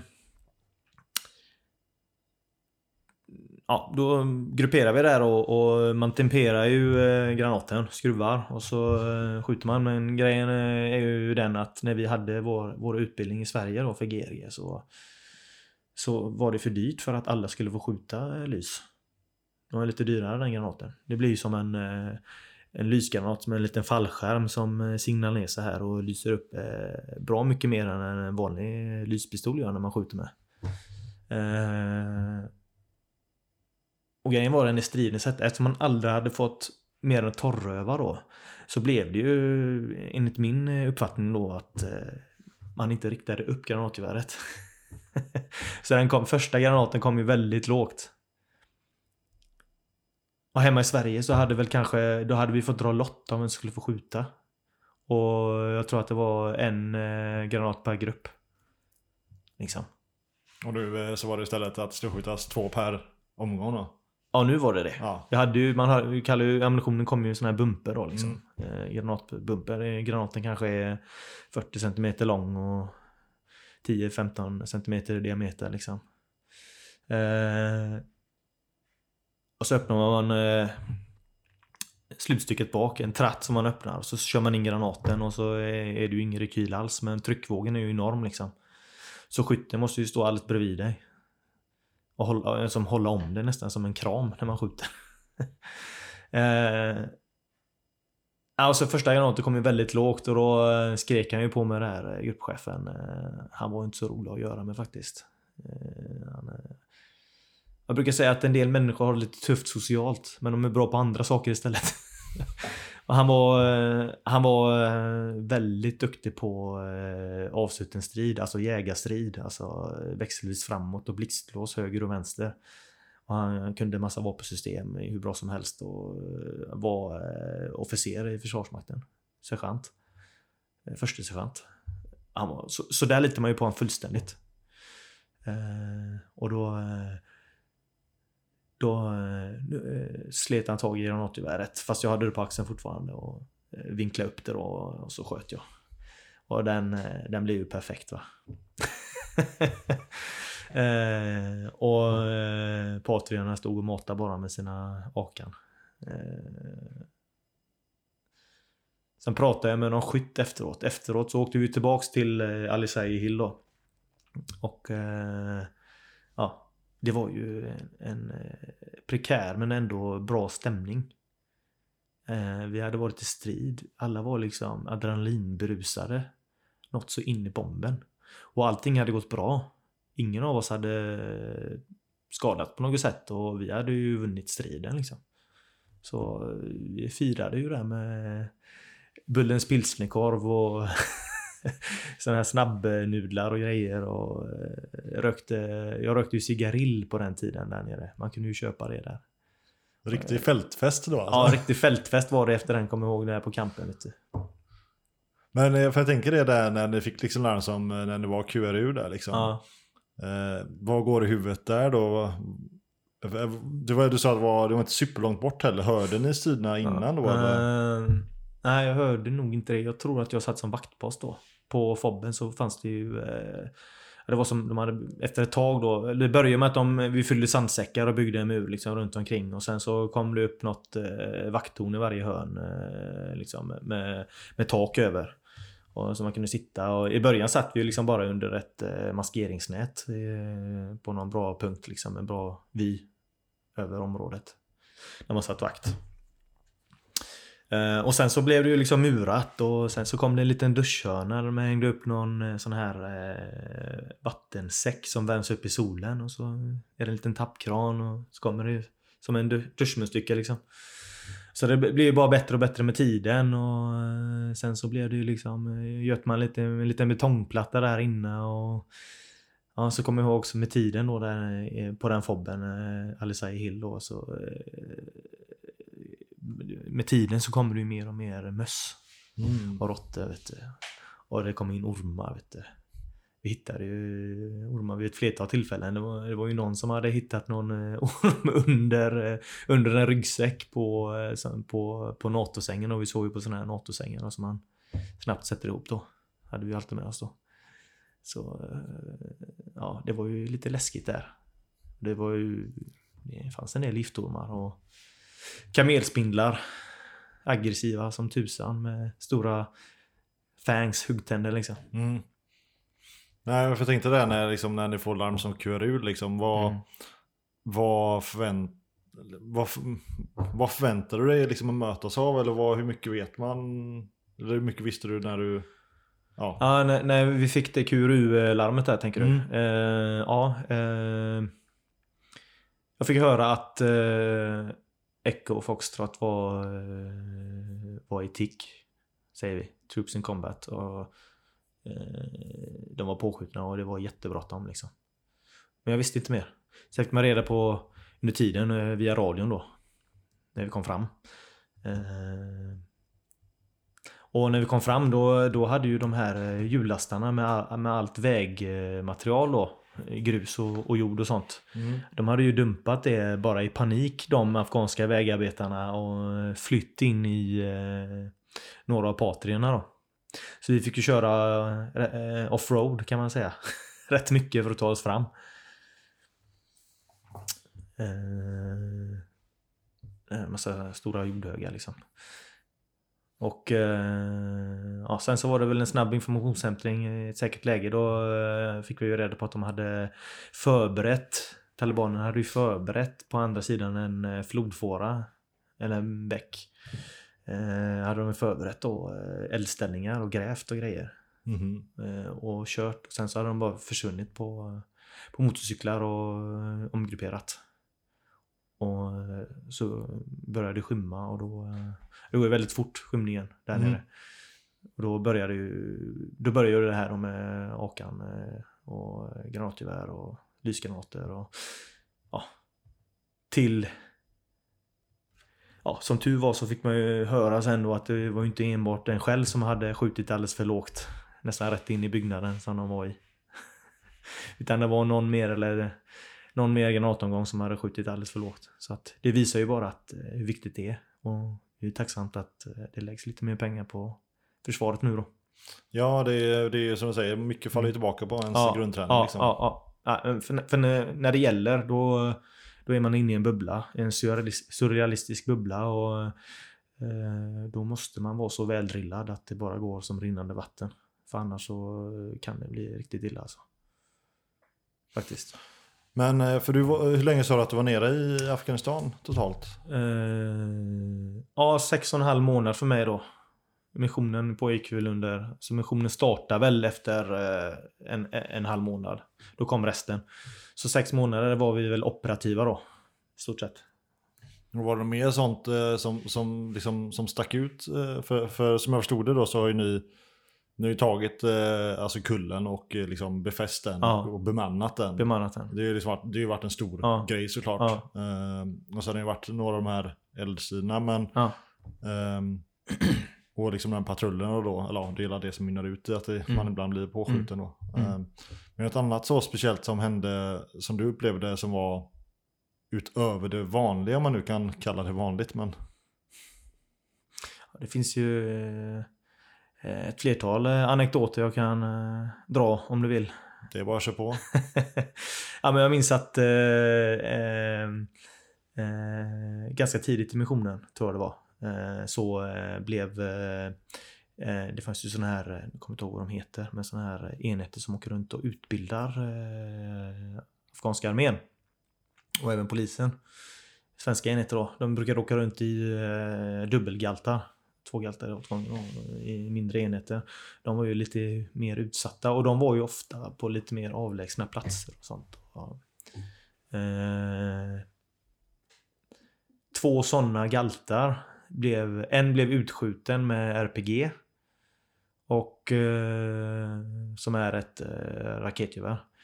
Eh, och eh, den andra galten klarade sig då. Och, Och, eh, i, galt, I galtarna så finns det ju radutrustning. Och eh, det fanns lite uniformer och mat och ammunition och sånt. Allt sånt fick de bara lämna. Eh, de eh, flydde in i den andra galten. Och då, då var det nog trångt kan jag tänka mig. Och bara körde därifrån liksom. Och då...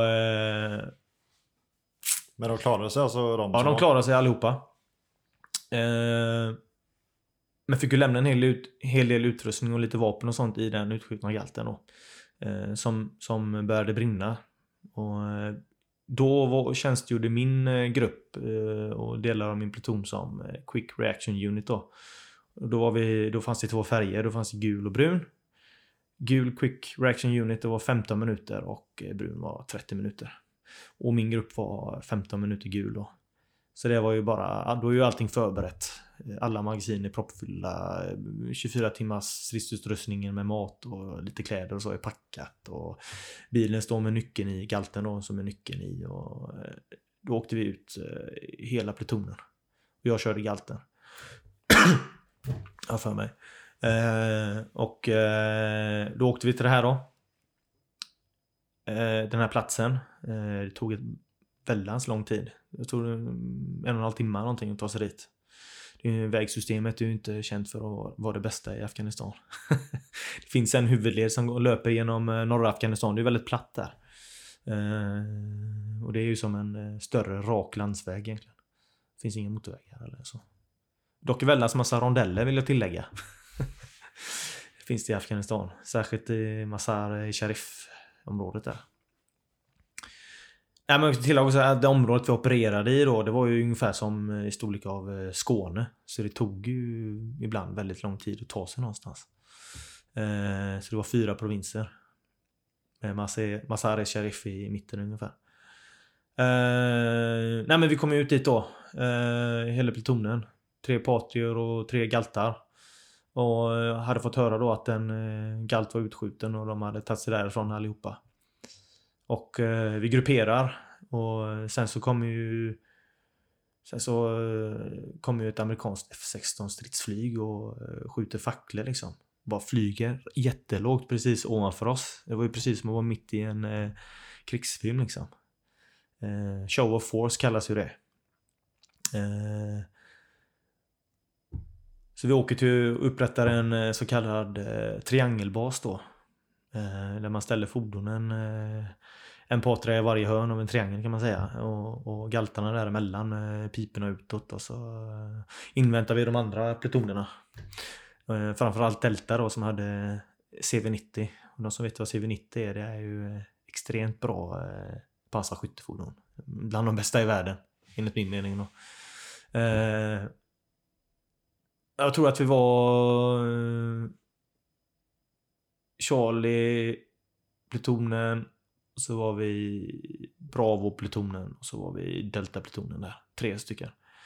Eh, och, de, och så blev det ju skymning och så blev det natt. Och då eh, spanade spanade ju Delta med sina, de hade ju supermörkersikten där i sina CV90 liksom. De såg ju allt. Då hade de ju sett eh, insurgenter med vapen eh, gå liksom eh, innanför, eller ja, det var som en slags compound då med de här murarna runt omkring. De har ju sett dem gå där inne liksom. De hade ju sett dem. De var ju kvar.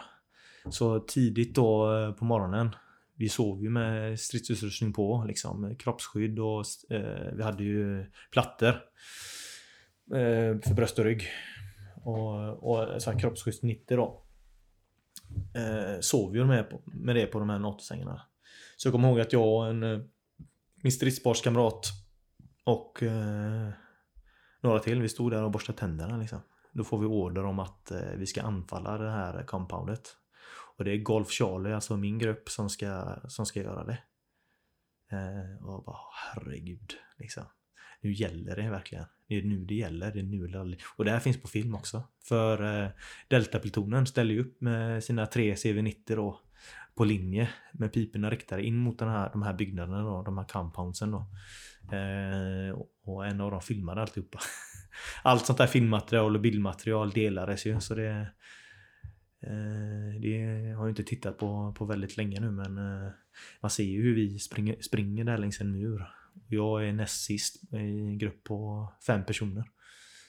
Och så leds vi av min gruppchef då som är väldigt skicklig och duktig på eh, stridsledning till fots. Eh, och vi kommer in där och ska eh, forcera den här eh, eh, porten då.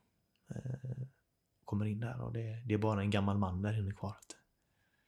Och vi har ingen aning om eh, vem han är eller... Och så har vi tolk med oss också. Så börjar jag köta med han där och han har inte sett någonting och allt vad det var liksom. Eh, så då, det var ju ett av de tillfällena jag tänkte att nu när som helst smäller det och jag hamnar i strid liksom. Eh, och nu gäller det liksom att jag verkar och agerar för att skydda mig själv och mina, mina kamrater här nu i, i, i stundens hetta så att säga. Och att jag verkligen eh, eh dödar en annan människa om jag måste göra det. Eh, så det var, det var första gången man fick den upplevelsen.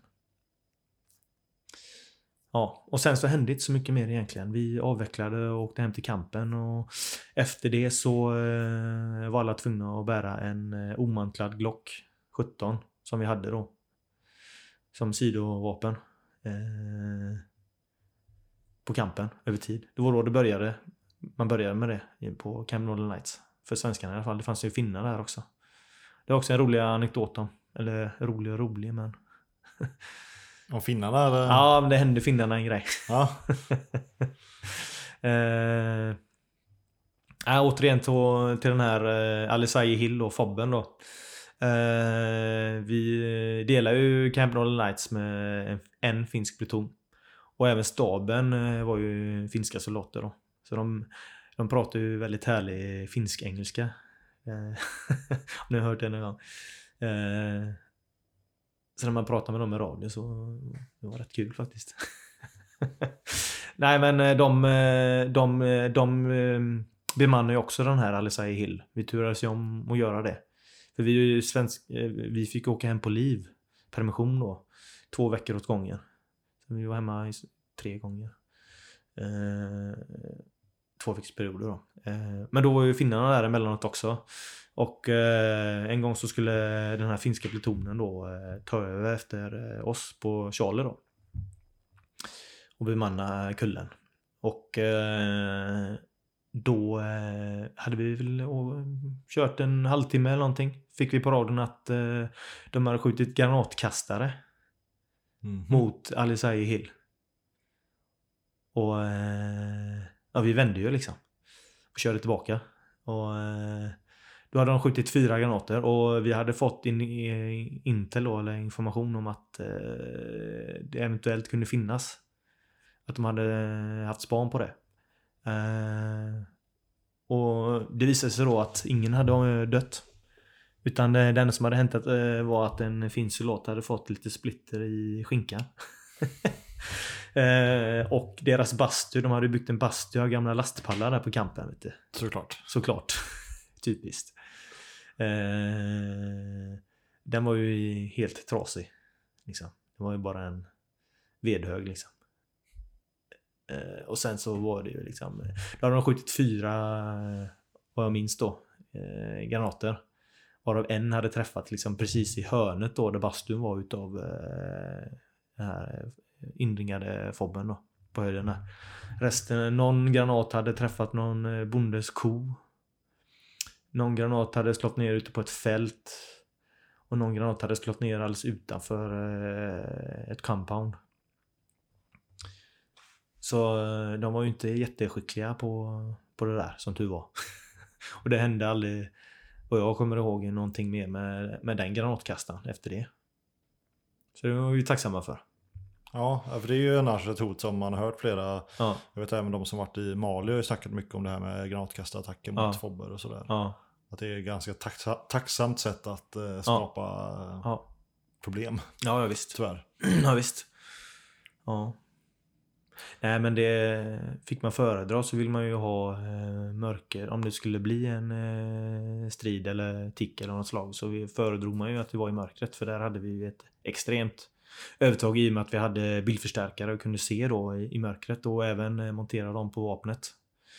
Och vi hade eh, infraröd laser. Det var också något som vi fick eh, en bit in i, i missionen eh, på, på våra vapen. Framförallt AK5 då. Fick vi då infraröd laser och även vanlig laserpekt som man kunde välja då. Och då såg man ju den här infraröda laserstrålen i bildförstärkaren då. Som vi hade på ett öga då.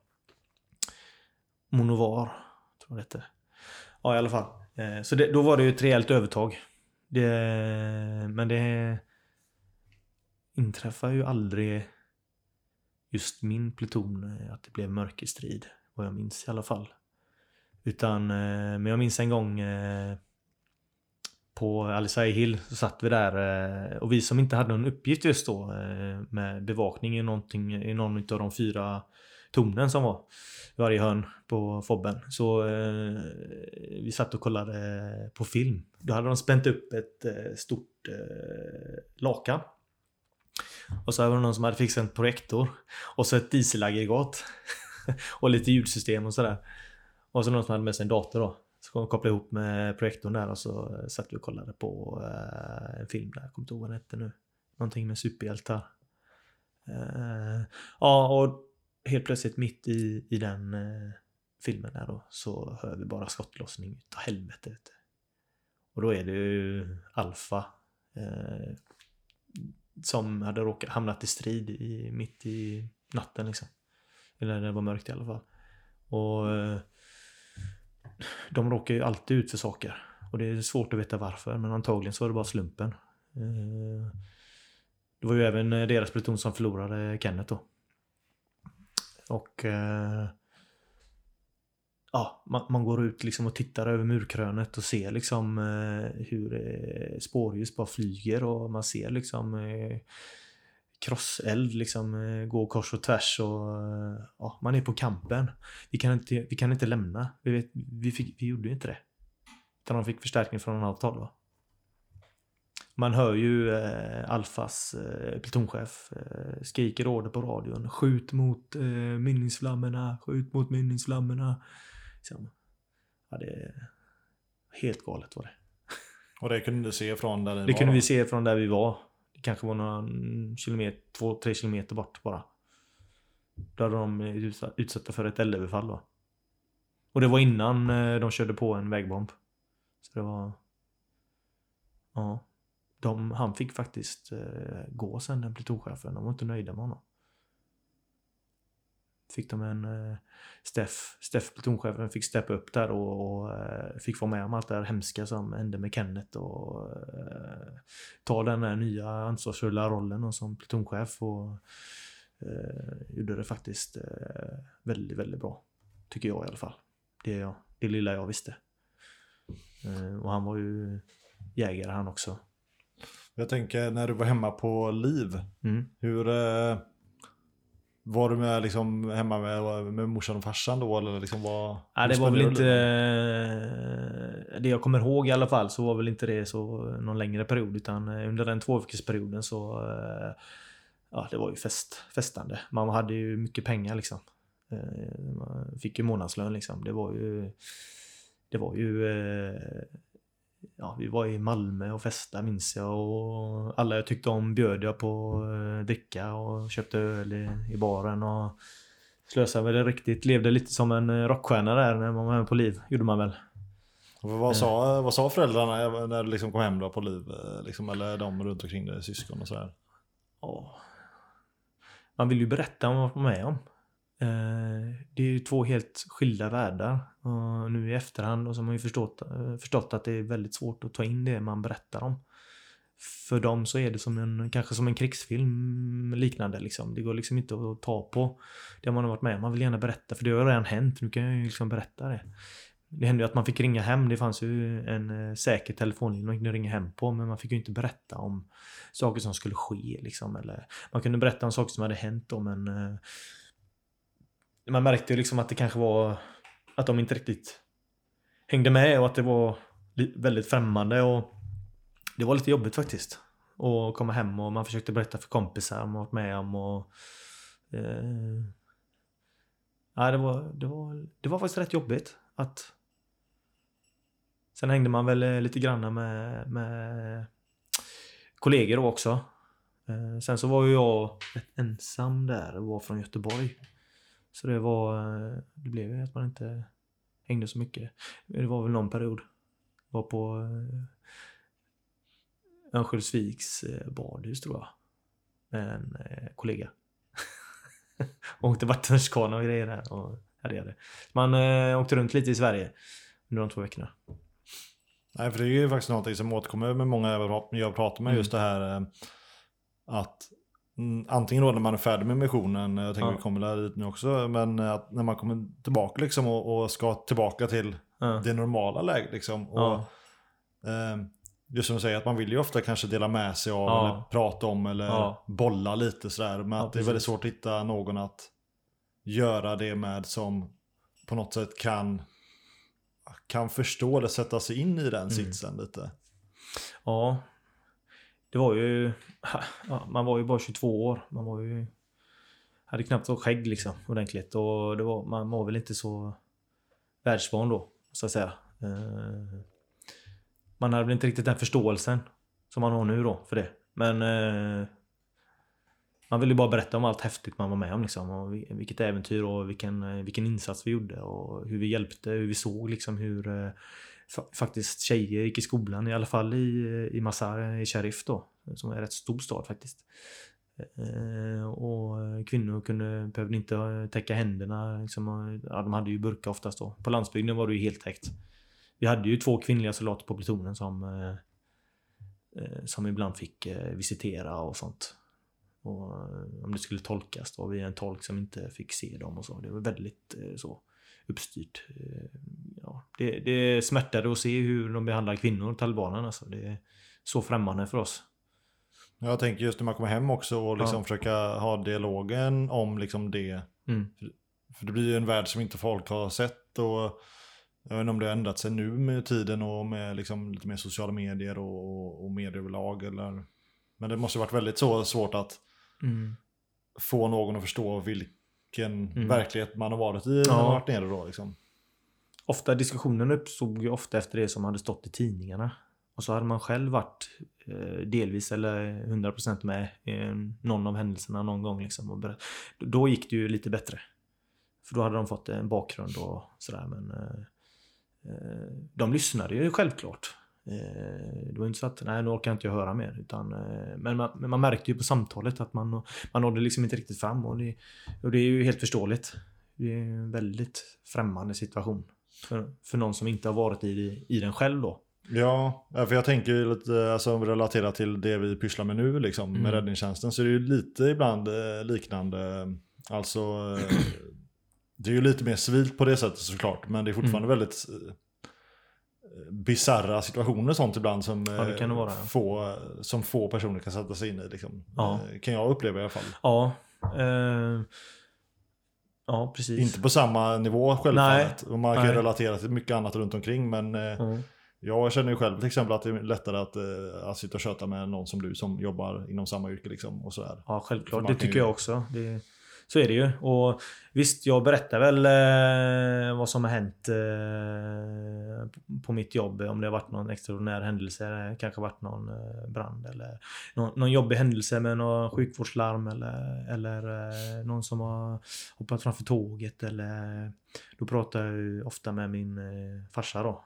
Eh, för att bolla lite med honom. Han har varit brandman i 30 år ungefär. Liksom, eh, någonstans där och eh, har ju varit med om mycket, mycket mer än vad man själv varit med om. Eh, än så länge då. eh, I, i brandkårsyrket. Och, eh, så det är väldigt tacksamt att eh, jag har den möjligheten. Det är ett väldigt stort stöd. Det är inte alla som har det. Eh, Jag tänker för även folk som varit på mission som till exempel jobbar som heltidssoldater. De har ofta sagt att de, de har haft lättare när de kommer hem då lite att de har ju sina kollegor på jobbet om man nu säger så och pratar Mm. med. mm, Men jag vet många som jag pratat med som har varit i, eh, ja, men typ i, Bosnien, alltså de tidiga Jugoslavien-missionerna och sånt ja, där. just det. Det var ju ofta bara ett, liksom, ett gig om man nu säger så. Man åkte ner på missionen och sen så åkte man hem och sen jobbade man vidare man gjorde. Och då, de sa, Mm. många som jag pratat med har sagt att det var så svårt för man hade ju inte den gemenskapen längre Mm. när man kom hem. Liksom. Då var det Mm. så här, tack och hej, eh, Mm, vi hörs aldrig. mm, Ehm, jag tänker hur det var för dig, för jag vet att vi pratade lite innan om att du, du var ju, du gick ju tankarna mot brandman och Mm. du sa till mig innan vi spelade, började spela in där att du började söka mot brandman då. Redan, Mm. Var det innan du åkte ner redan eller? Eh, jag, tror, jag tror att jag kom in på min tredje sökning till utbildningen SMO, skydd mot olyckor då, som är en tvåårig utbildning för att, för att bli brandman. Så man kan gå på, på två ställen i Sverige då, antingen i Revinge i Skåne och, eh, eller på Sandö, en ö i Ångermanälven. Eh, 10 mil eh, norr om eh, Sundsvall ungefär. Ja, I närheten av Kramfors. Eh, eh nej men jag hade väl eh, sökt, eh, jag, kom, jag tror jag kom in på tredje sökningen, jag sökte första gången eh, innan eh, missionen FS19. Eh, jag tror jag sökte första gången 2009. Sen sökte jag eh, till brandman eh, precis i slutet av FS19. Sista veckan satt jag där på eh, Kevin Northern Lights har ju en, eh, en databyggnad där en massa datorer där man kunde sitta och ja, mejla och skicka grejer som var, det var ju en säker lina liksom. Eh, och där sökte jag då till Bromman andra gången, kom inte in. Och eh, när jag kom hem till Sverige så eh, sökte jag, ja då skrev, gjorde jag, skrev jag ett handskrivet brev. och då skriver man ju inte jättevackert.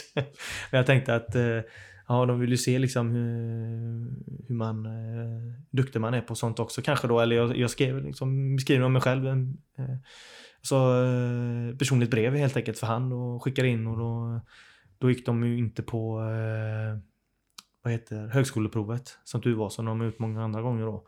Utan de gick på eh, gymnasiebetyg. Har jag för mig. De växlade mellan det där. Och, eh, och ja, erfarenheter och eventuella utbildningar då, i grunden. Så eh, ja, då kom jag in tredje söket där. För det var ganska kort efter att du kom tillbaka från Afghanistan va? Som Ja. du började. Ja, jag började, jag kom ju tillbaka från Afghanistan i slutet av året på eh, 2010. Mm. Och eh, ja, där i november, december någon gång och började utbildningen eh, i mitten på januari någon gång. Ja, jag jag vill minnas att det var typ, eller jag vet att min utbildning... 2011 då. 11, ja, Ja. precis. För jag vill minnas att jag började utbildningen 28 januari. För jag vet att jag... Ja. Ah, nej, vad fan. Nej, jag började senare tror jag. Jag tror att jag började i januari faktiskt. Jag vet att jag i alla fall var tio dagar men att jag liksom färdig med grundutbildning i militären Ja. och att jag började. Men det var, det var ju tidigt 2011 i alla fall. Ja. Så att du, du hade inte särskilt mycket tid egentligen att landa hemma och liksom, Nej, det hade jag ju inte. Och det, man var ju fullfjädrad soldat då efter sex månader i ett insatsområde som, som började bli ganska hett då. Det började väl egentligen hetta till rejält under FS18, eh, den eh, missionen innan där, i slutet av den missionen. Så eh, vi var ju liksom, vi, var ju jätteförvånade att det inte var mer stridskontakt fram tills efter sommaren där 2010. Eh, där i samband med valet där i mitten på september och ja, även i slutet av eh, augusti där. Då började det liksom smälla och i det hittade man ju titt som tätt ändå. Eh, men det var ju då de började någon slags offensiv och försöka trycka tillbaka oss så att säga. Då hade ju vi då hade vi skapat en ganska stabil grund där i, i, på Alisai Hill mitt i dödens triangel. Då det, det var ju tre byar som var särskilt utmärkta då, som ett hot. Då. Men eh, jag tyckte inte det var så farligt som man hade hört ifrån eh, Intel. eh, Då. Nej, för hur tror du att det var, alltså upplevde du det som en bra grej att inte har för lång tid mellan liksom eh, insatsen och Ja. om du kan säga verkligheten eller? Eh, nej men jag eh, minns ju inte riktigt. Jag eh, som sagt eh, var ju singel och hade inget sånt att förhålla mig till. Eh, och eh, hade väl eh, egentligen inga andra planer att hinna med innan eh, det. Utan kom man in på SMO liksom på den tiden så då körde man liksom. Det, det var svårt att komma in på SMO. Det var en jättepopulär utbildning. Och det fanns ju inte jättemånga platser. Så eh, jag körde och det var, var bara att anpassa sig. Och eh, jag kommer ihåg att jag åkte, eh, åkte tåg upp med en stor rullväska, en stor duffel på ryggen. Och ett fodral, skidfodral med fyra par längdskidor och två par stavar i liksom. Och släppa med mig det där och landa i Kramfors där, där vi bodde och Skolan låg ju 10 minuter bort med bil på Sander då. Bodde första terminen av SMO i, eh, i Kramfors där eh, och delade lägenhet med två tjejer. Två eh, tjejer som gick ambulansutbildning. Och ja, det var mycket fest i den här lägenheten. För den låg så centralt lite. Det låg ju alldeles bredvid eh, en krog i, i, i Kramfors. Där alla gick till. Den enda krogen, Ja, den enda krogen. Gladan. Gladan så var det, just ja, det. tänkte Gladan vet du. Eller, eller, eller ja, den, hade många namn. Klamydiagrottan. Jag vet att det fanns en låt som hette Slagsmål på Gladan där. Ja, ja visst. Han är brandman, eller han var brandman i Göteborg. Han, som, han är ju musiker också. Ja. Eh, Karl Johan heter han. Eh, han skrev den låten. Han hade ju gått eh, på Sandö och bott i Kramfors. Gladan och slåss. ja. Eh, Rikt, rikt, Den finns på Youtube. Ja, en riktig musikalisk eh, Det kan pärla. man söka på. Kramfors tror jag den heter. Men hur upplevde du att SMO-utbildningen var då? Alltså att komma tillbaka till eh, efter insatsen och sen börja plugga liksom. Det blir väldigt så Eh, kontrast. Ja, det var ju det. Man var ju en, en eh, riktig stridsbit, jarhead eh, i skallen liksom. Och man var ju lite skadad eh, utav eh, eh, säkerhetshotet som var där hela tiden då. Liksom man kände obehag. om det var någon stor öppen yta.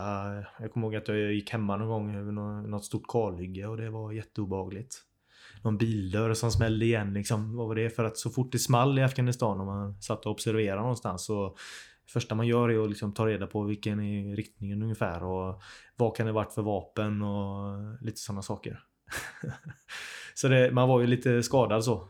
Eh, av den anledningen. Och tyckte det var lite äckligt att eh, åka förbi om det såg ut som det var grävt i vägkanten och lite sådana saker. Tittade hela tiden man körde bil, man åkte landsväg liksom. Och tittade hela tiden så här och ja, man var ju ja, krigsskadad.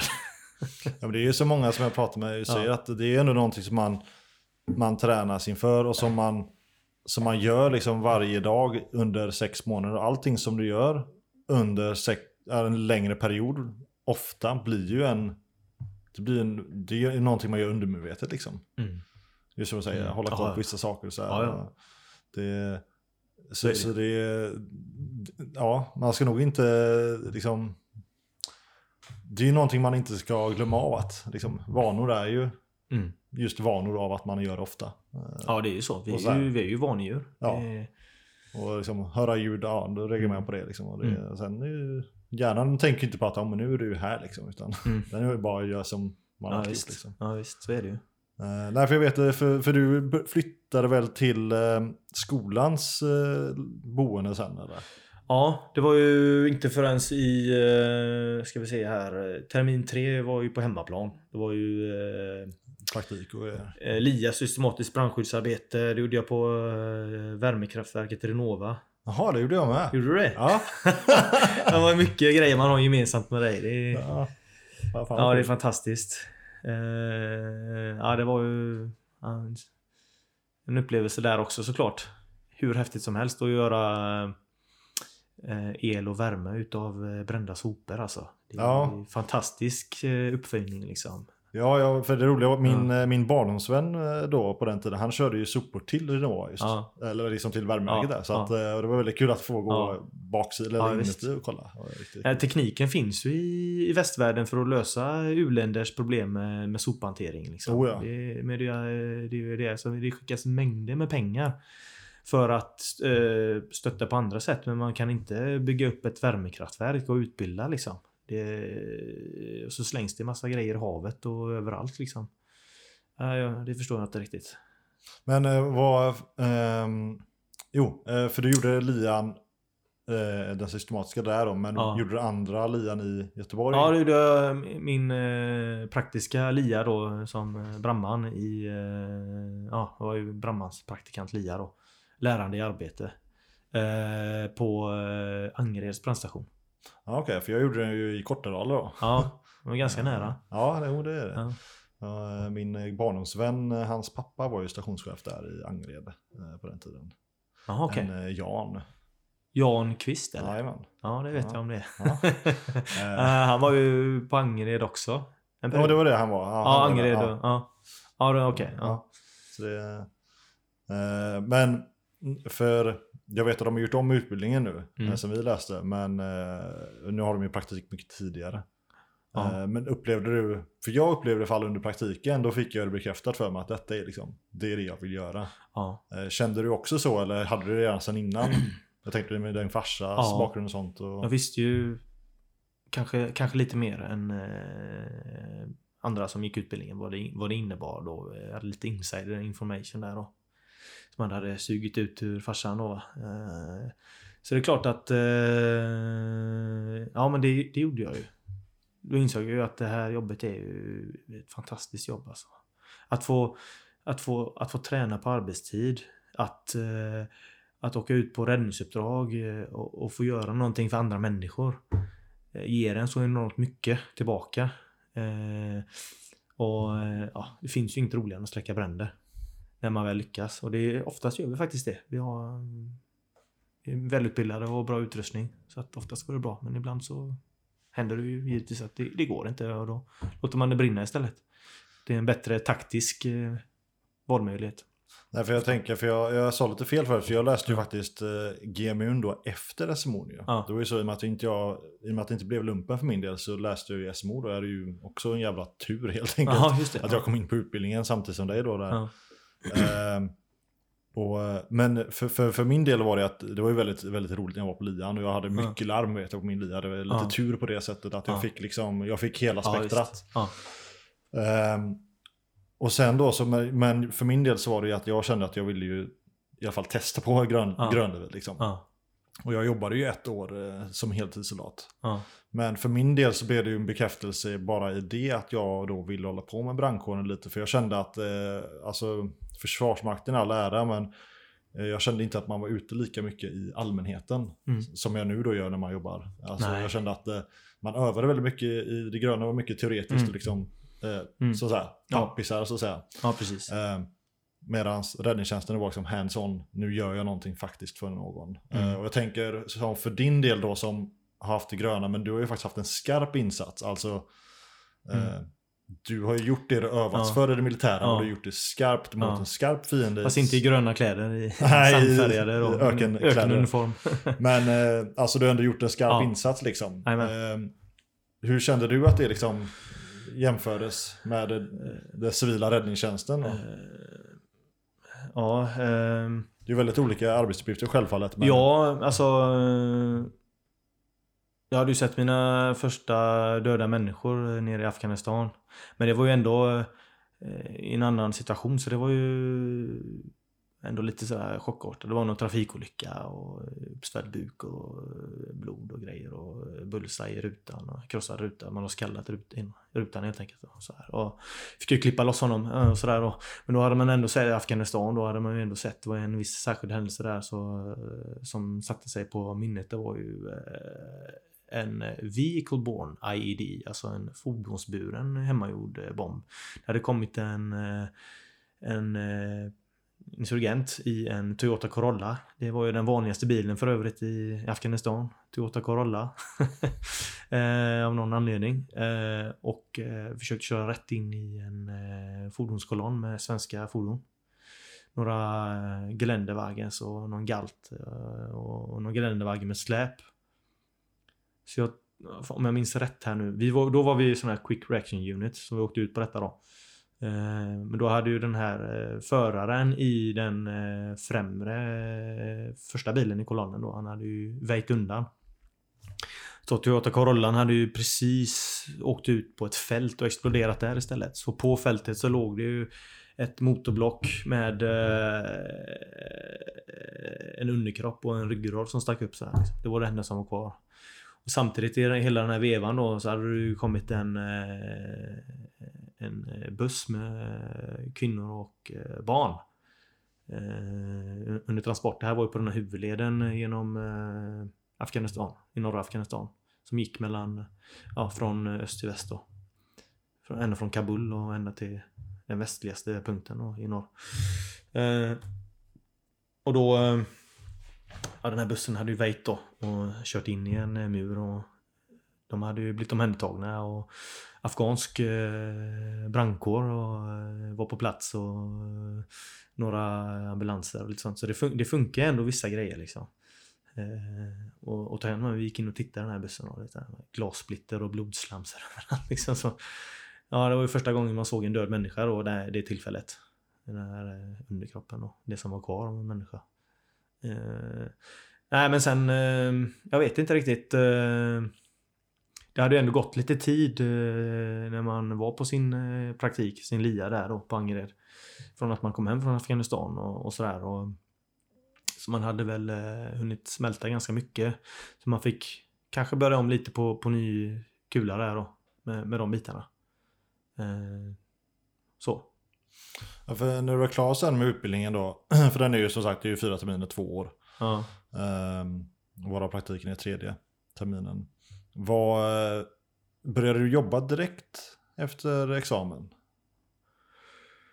Eh, nu ska vi se här. Nej, det gjorde jag inte. Jag tog ju examen eh, 13 där. 2013 där i Januari. januari. ja. Eh, då hade jag faktiskt... Då fick jag inte... Då, då, då var jag ju... Ska vi se här. Jo, jag var ju sommarvikarie. Var jag ju där 2013. Och, och jag var även sommarvikarie 2012. Ja, just det. Och, Var det i eh, Göteborg då? 20, Eller? 20, ja, Angered Mm. också. Jag fick ju fortsätta där. Vilket jag önskade. Så 2012 så var jag eh, brandmansvikarie eh, hela sommaren där. Juni, juli, augusti. Och lite in i september och fick lite förlängt där. Och sen eh, sommaren eller 2014 2013 då menar jag, förlåt. Då eh, fick jag börja, då fick jag förlängt vikariat på Angered igen. Då fick jag ju börja någon gång eh, i eh, april kanske. Och så hela sommaren ut då. Sen hade jag ju hösten 2014 där inget jobb. Då jobbade jag alltså på, på en förskola. Och det, det var rätt jobbigt. Faktiskt. Det var inget för mig. Men det var bara för att min äldre bror hade provat det och då testade jag också det där på kommunen där på en förskola i Mölnlycke. Ja, det var en väldans kontrast. Ja, det kan jag tänka mig. Nej, Fy fan. jag har inget emot barn. Jag älskar verkligen barn och sådär och vill ha själv i framtiden. eh, sådär va, men eh, det var... Det var eh, sådär. Så jag eh, sa upp mig. Och... Eh, sen så gjorde jag ju även i, i parallellt med det där så gjorde jag... Eh, vad heter det? Eh, ja, det var uttagningstester till eh, heltidsbrandman. Mm. Eh, och då, då var Karl-Johan med för övrigt. på de testerna. Eh, så vi var väl eh, 15 stycken som, som hamnade på en lista så att säga då. Och då, då ringde det eh, Eh, stationschef ifrån eh, Kungsbacka brandstation som tillhör eh, räddningstjänsten Storgöteborg då, RSG. Eh, ringde ju då och eh, eh frågade om jag ville bli, ha ett vikariat där i februari 2014. Så då började jag på Kungsbacka som brandmansvikarie. Och körde det där från februari fram till oktober 2014. Då fick jag fast tjänst på, på Kungsbacka brandstation. Ja, för jag tänker, för det är ju det är många som jag känner i, eh, ifrån det militära Mm. eh, som jobbar just inom uniformstyrkorna Mm. eh, nu idag. Liksom. Mm. Alltså som polis eller brandman, eller väktare, Mm. ambulanser. Liksom. Upplever du att det är någonting, att det är också, eller ja, jag ska säga så här då. Mm. Tror du att det kan vara lite just att man, att man gillar den här strukturen som ofta då, alltså uniformsyrkena bär med sig och lite det ansvaret? Ja, det, det, det tror jag hänger ihop. Alltså... Eh, det här med att eh, få en uppgift och så eh, utför man den eh, antingen till fots då eller i, i, i en bil och liksom eh, man eh, lite där man har lite som lite bakgrund och vara i lite eh, svårare situationer kanske där det krävs mycket utav dig och den gruppen du är med. Alltså det handlar väldigt mycket, gillar man som soldat så gillar man ju samarbeta med andra. Det är ju ett av grund, en, en grundförutsättning. Är du individualist så kan du, kommer du bli en dålig soldat. Du kommer bli en dålig brandman och du kommer bli en dålig polis. Eh, så att eh, Ja, det, det, det har nog med det att göra att man gillar att jobba med andra människor och, och utföra de här uppgifterna då. Som är som under, under ganska kanske i vissa sammanhang eh, stressade situationer och där det krävs mycket utav att du har övat ihop och övat ihop det som grupp och ni känner varandra och det är, det är ju nästan som en andra familj där, på, på räddningstjänsten.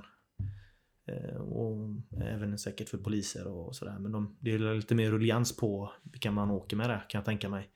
Men på, på räddningstjänsten så är det ju samma gubbar tills, tills man byter brandstation som, som jag gjorde för två år sedan då. För jag ville jobba lite mer i stan. Ja, för jag tänkte Bytte på... jag eh, miljö där då. Vad sa du? Ja, då bytte jag miljö där då. Så att säga. Ja. Och eh, eh, specialförmågor så att säga. Nej, för jag tänker just... Eh, eh,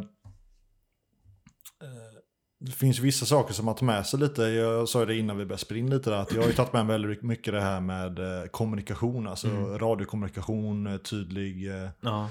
Det har jag fått med mig från det militära då. Ja. Eh, vad, vad känner du att du har tagit med Eh. dig liksom från, från den gröna uniformen till, till Ja. liksom räddningstjänsten?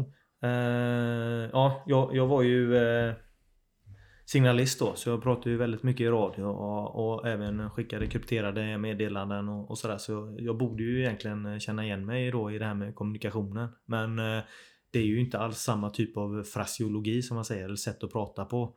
Utan det är liksom mer rökdykarradio och så är det radio till eh, larmcentralen, LC då på räddningstjänsten, eh, ja, om man ska jämföra det då med staben i, i det militära då kanske.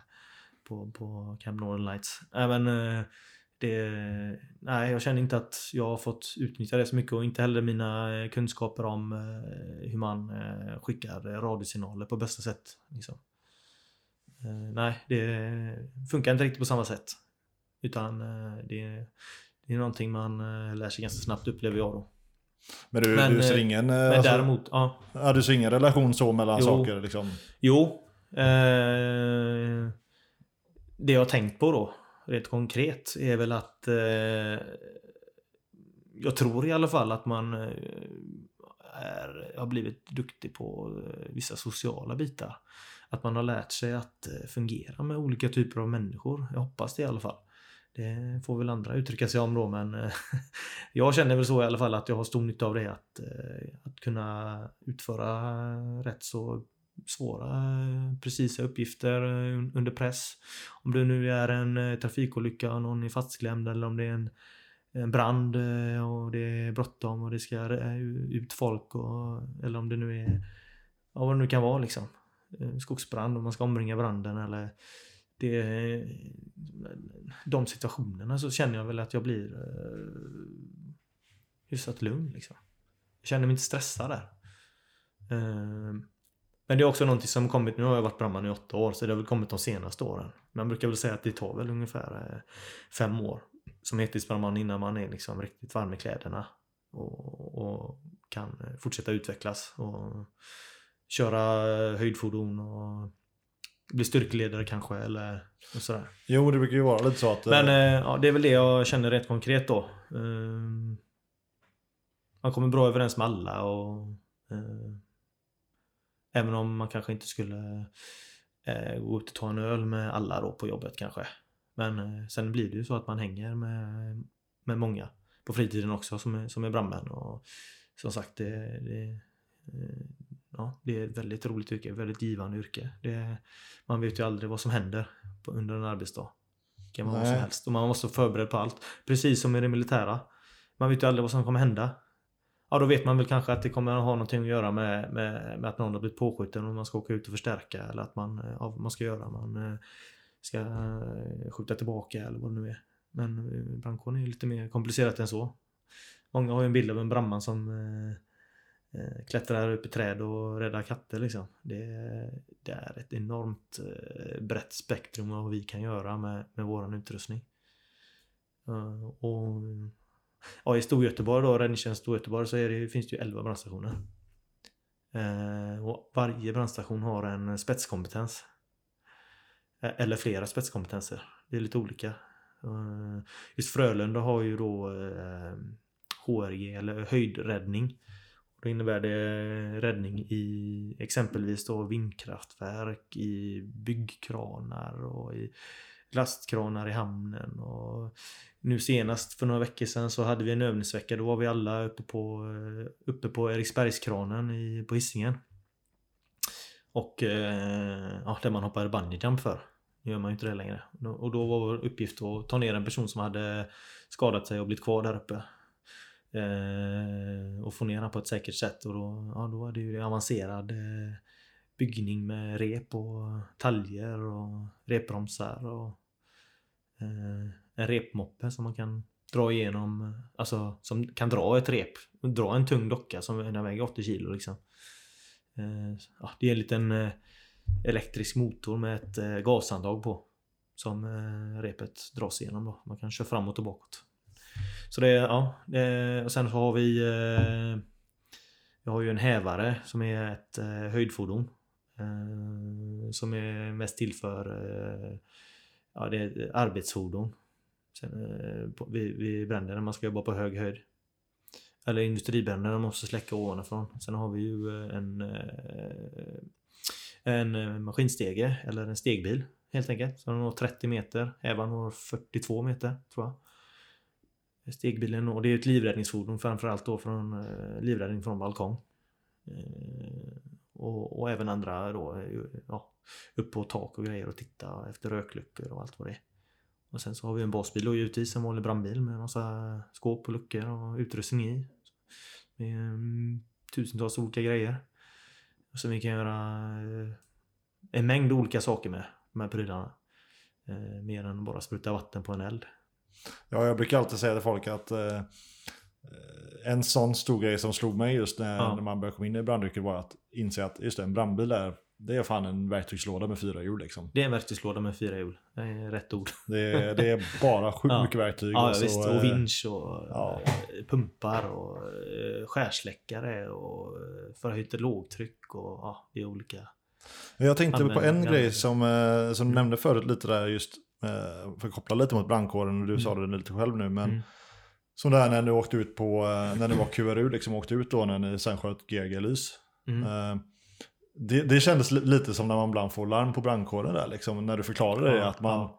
man fick lite bara så här, ja, någonting har hänt liksom, och så hoppar man in, liksom, ja, i Ja. våra fall så liksom 90 sekunder senare så rullar bilarna ut och Ja. så får man liksom till sig information lite över tid då och sen börjar man kanske närma sig och se lite Ja. och så här. eh, Känner du att det är någon relation mellan Ja, dem? jo, men det kan man nog säga att, det, att man kan relatera till det där. Liksom, att vi eh, fick mer information, information på vägen ut. var snabbt in i bilarna. Liksom. På brandkåren har vi ju 90 sekunder på oss att hoppa in i bilarna och åka iväg. När vi åker på larm. Och där var det ju ungefär samma procedur. Liksom. Det var pang bara så åkte vi. Och så eh, ja, försöka hålla koll på om det ser konstigt ut längs vägkanten. Och, eh, få mer information under tiden och sen eh, ha en eh, samling när vi kommer på plats och få mer information från eh, befälet där. Och, och samma sak på brandkåren många gånger när man åker på en större brand. Då är det många befäl som går runt där med olika färger på hjälmarna som, med olika uppgifter. Då. Så, alltså, så det kan man säga, det håller jag med om. Absolut. Mm, ja, för det är väldigt intressant just eh, Ja. de grejerna där. eh. Eh, men vi har väl snart snackat i två och en halv timme. Jag tänkte, är det något speciellt som du tänker på eh, som, som är missat? Eh, Ja, det är klart att det är en sjukt massa grejer som har missats. Ja, det att- finns ju, vi kan ju sitta här en bra stund till om vi skulle vilja men... Eh, hmm, nej, jag, jag tror inte det faktiskt. Nej, jag tänker för så här brandnörderi är väldigt skoj så. Och Ja. jag funderar ju på att eventuellt kanske dra igång en podd med något liknande. Okej. Så att eh, jag tänker att jag, jag håller lite på brandnördandet. Eh, Ja. Så att inte våra kära lyssnare här eh, helt drunknar i Vi ber om ursäkt till våra eventuella kära lyssnare om vi har eh, nördat in oss för mycket på något område. Ja, vi, vi sa det förut innan vi började spela in här att eh, man kan vara MÖP då, militärt överintresserad person. Sen kan man Mm. tydligen vara BÖP också, kommer på. Mm. Brandkårs eh, person. Jajamän. Och det är alla vi kanske lite. då. Ja, det kan man väl säga att vi är, men man blir ju det. Är man intresserad av sitt jobb så blir man ju överintresserad till slut då. Ja, och har, har man världens bästa jobb också så är Ja. klart man blir det. Liksom. Ja, vi tycker ju att vi har världens bästa jobb. Det, och det håller de flesta med om på, på den stationen där jag jobbar nu, Frölunda. Då. Eh, ja, nej, ja, eh, det finns ju en och annan bramman brandman faktiskt som jag känner till som har gjort utlandstjänst på, på olika platser i, eh, i världen. Jag menar det är över 100 000 personer i Sverige som, som har gjort någon form av utlandstjänstgöring. Som, så det finns en hel del. Och jag, vet, jag vet en som har varit i Bosnien. En av de tidigare missionerna Det var det en brandman och en ambulansförare faktiskt. Vad, finns det någonting som du skulle vilja skicka med våra lyssnare eller någon som eh, funderar på att åka på utlandsmission eller någon som har varit på utlandsmission? Finns det så? Eh, som jag vill skicka med. Eh, Nej, jag vet faktiskt inte. Det jag kan inte komma på något just nu. Eller? Ja, det, det jag faktiskt tänkte på som du sa, eh, jag tror också det var innan vi började spela in, som Mm. jag tyckte var fantastiskt bra sagt i alla fall. Det var ju att eh, någonting du har lärt dig och tagit med dig är att om man, eh, om man sätter, liksom, sätter målet på någonting och ge- bara köttar på som Ja. fan så, så Ja. går det oftast. Det går oftast. Det, man behöver inte vara eh, den smartaste och den starkaste individen eh, för att man ska lyckas med någonting. Utan eh, har man en tro på sig själv och en vilja framför allt.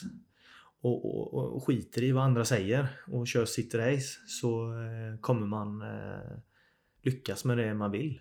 Helt enkelt. Det handlar bara om eh, rätt mindset och rätt tankemönster helt enkelt. Det är ju ens tankar som styr ens liv. Tankar blir ju, blir till slut till ord och till slut så blir ju ord till handling liksom. Det, allting börjar ju hos tanken. Det, kan man eh, kontrollera det och, och leva sitt liv och skita i vad andra gör och sluta försöka passa in så jävla mycket. Utan gå på det gå på det du vill göra liksom. Tro på dig själv. Alla föds vi med olika förutsättningar och vi har lättare och svårare för vissa saker men eh, ja, nej. Jag kan ta ett exempel. Jag har en kompis som eh, har varit enormt höjdrädd. Han eh, klättrar då till exempel. Sportklättrar liksom. Eh, han har övervunnit den. Och det är sådana saker jag är imponerad av. Jag själv eh, har ju liksom i stort sett, jag har inte haft så mycket rädslor i mitt liv. Förutom kanske då att eh, någon eh, familjemedlem ska gå bort eller ja, någonting så någon, någonting händer, någonting nära och kära då liksom. Jag är ju ja, ganska så korkad på det sättet. Jag menar, hade vi inte levt i ett tryggt och säkert samhälle idag så om vi hade levt liksom på, på stenåldern och jag hade levt då, då kanske jag hade strykt med av att en, ett lejon käkade upp mig liksom för att jag hade jagat eller något. Nej men det är ju så naturlig selektion. Nej men man är ju, man är ju rätt, eh, tyvärr då, rätt risktagande och älskar adrenalin och eh, ja. Håller på med lite sådana, hoppat fallskärm och, och sådär och kör downhill och på mountainbike och gillar att vara ute i naturen och utsättas för naturens krafter och paddla från Strömstad till Göteborg till exempel. Men det, men det känns ju lite som att när vi pratat här nu så känns det som att eh, det återkommande är ju lite Mm. Ja. äventyret Ja. och det är utmaningen. Ja. Och eh, det är ju det som har tagit dig eh, hit idag. Mm. Hela vägen till podden till och med. Ja. Och jag tänker att det är det som kommer fortsätta att ta dig Ja. Ja. framåt. Så, eh, Så är det ju. Se livet som en eh, utmaning, varenda sak som händer. Och sen så skulle jag, skulle jag vilja lämna en liten hälsning om det finns någon lyssnare där ute som eh, har funderat på att korsa Grönland på, med skidor och pulka och eventuellt eh, kite. Kitesurfa över på skidor. Så eh, sök upp mig på Facebook, eh, Jonathan Backlund. Så eh, kan vi väl eh, ta ett snack och se vad som händer. Korsa Grönland vill jag gärna göra. det är väl nästa stora projekt. Ja, det här med naturlig selektion och grejer. Ja, ja visst. Ja. Nej, men eh, jättekul att eh, du ville vara med. Mm. Och eh, jag vill säga tack för din insats. Ja. Ehm, och tack för det du fortsätter göra i, i Göteborg. Hålla invånarna där trygga. Jag gör mitt bästa. Det, det vet jag att du gör. Ja. Och sagt, tack så mycket för att du ville vara med. ja, tack själv för att jag fick vara med och för att jag fick frågan. Det, jag tänkte ju först att jag kanske inte har så mycket att komma med, men det kanske jag hade ändå.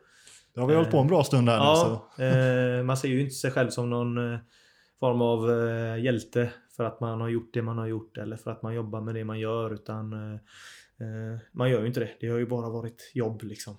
Och eh, Anledningen till att man har sökt sig dit har ju varit för att man, eh, man är en äventyrlig typ och gillar lite spänning i vardagen liksom. Och det trivs jag med. Ja. Nej. Nej, men tack så jättemycket. Tusen tack själv.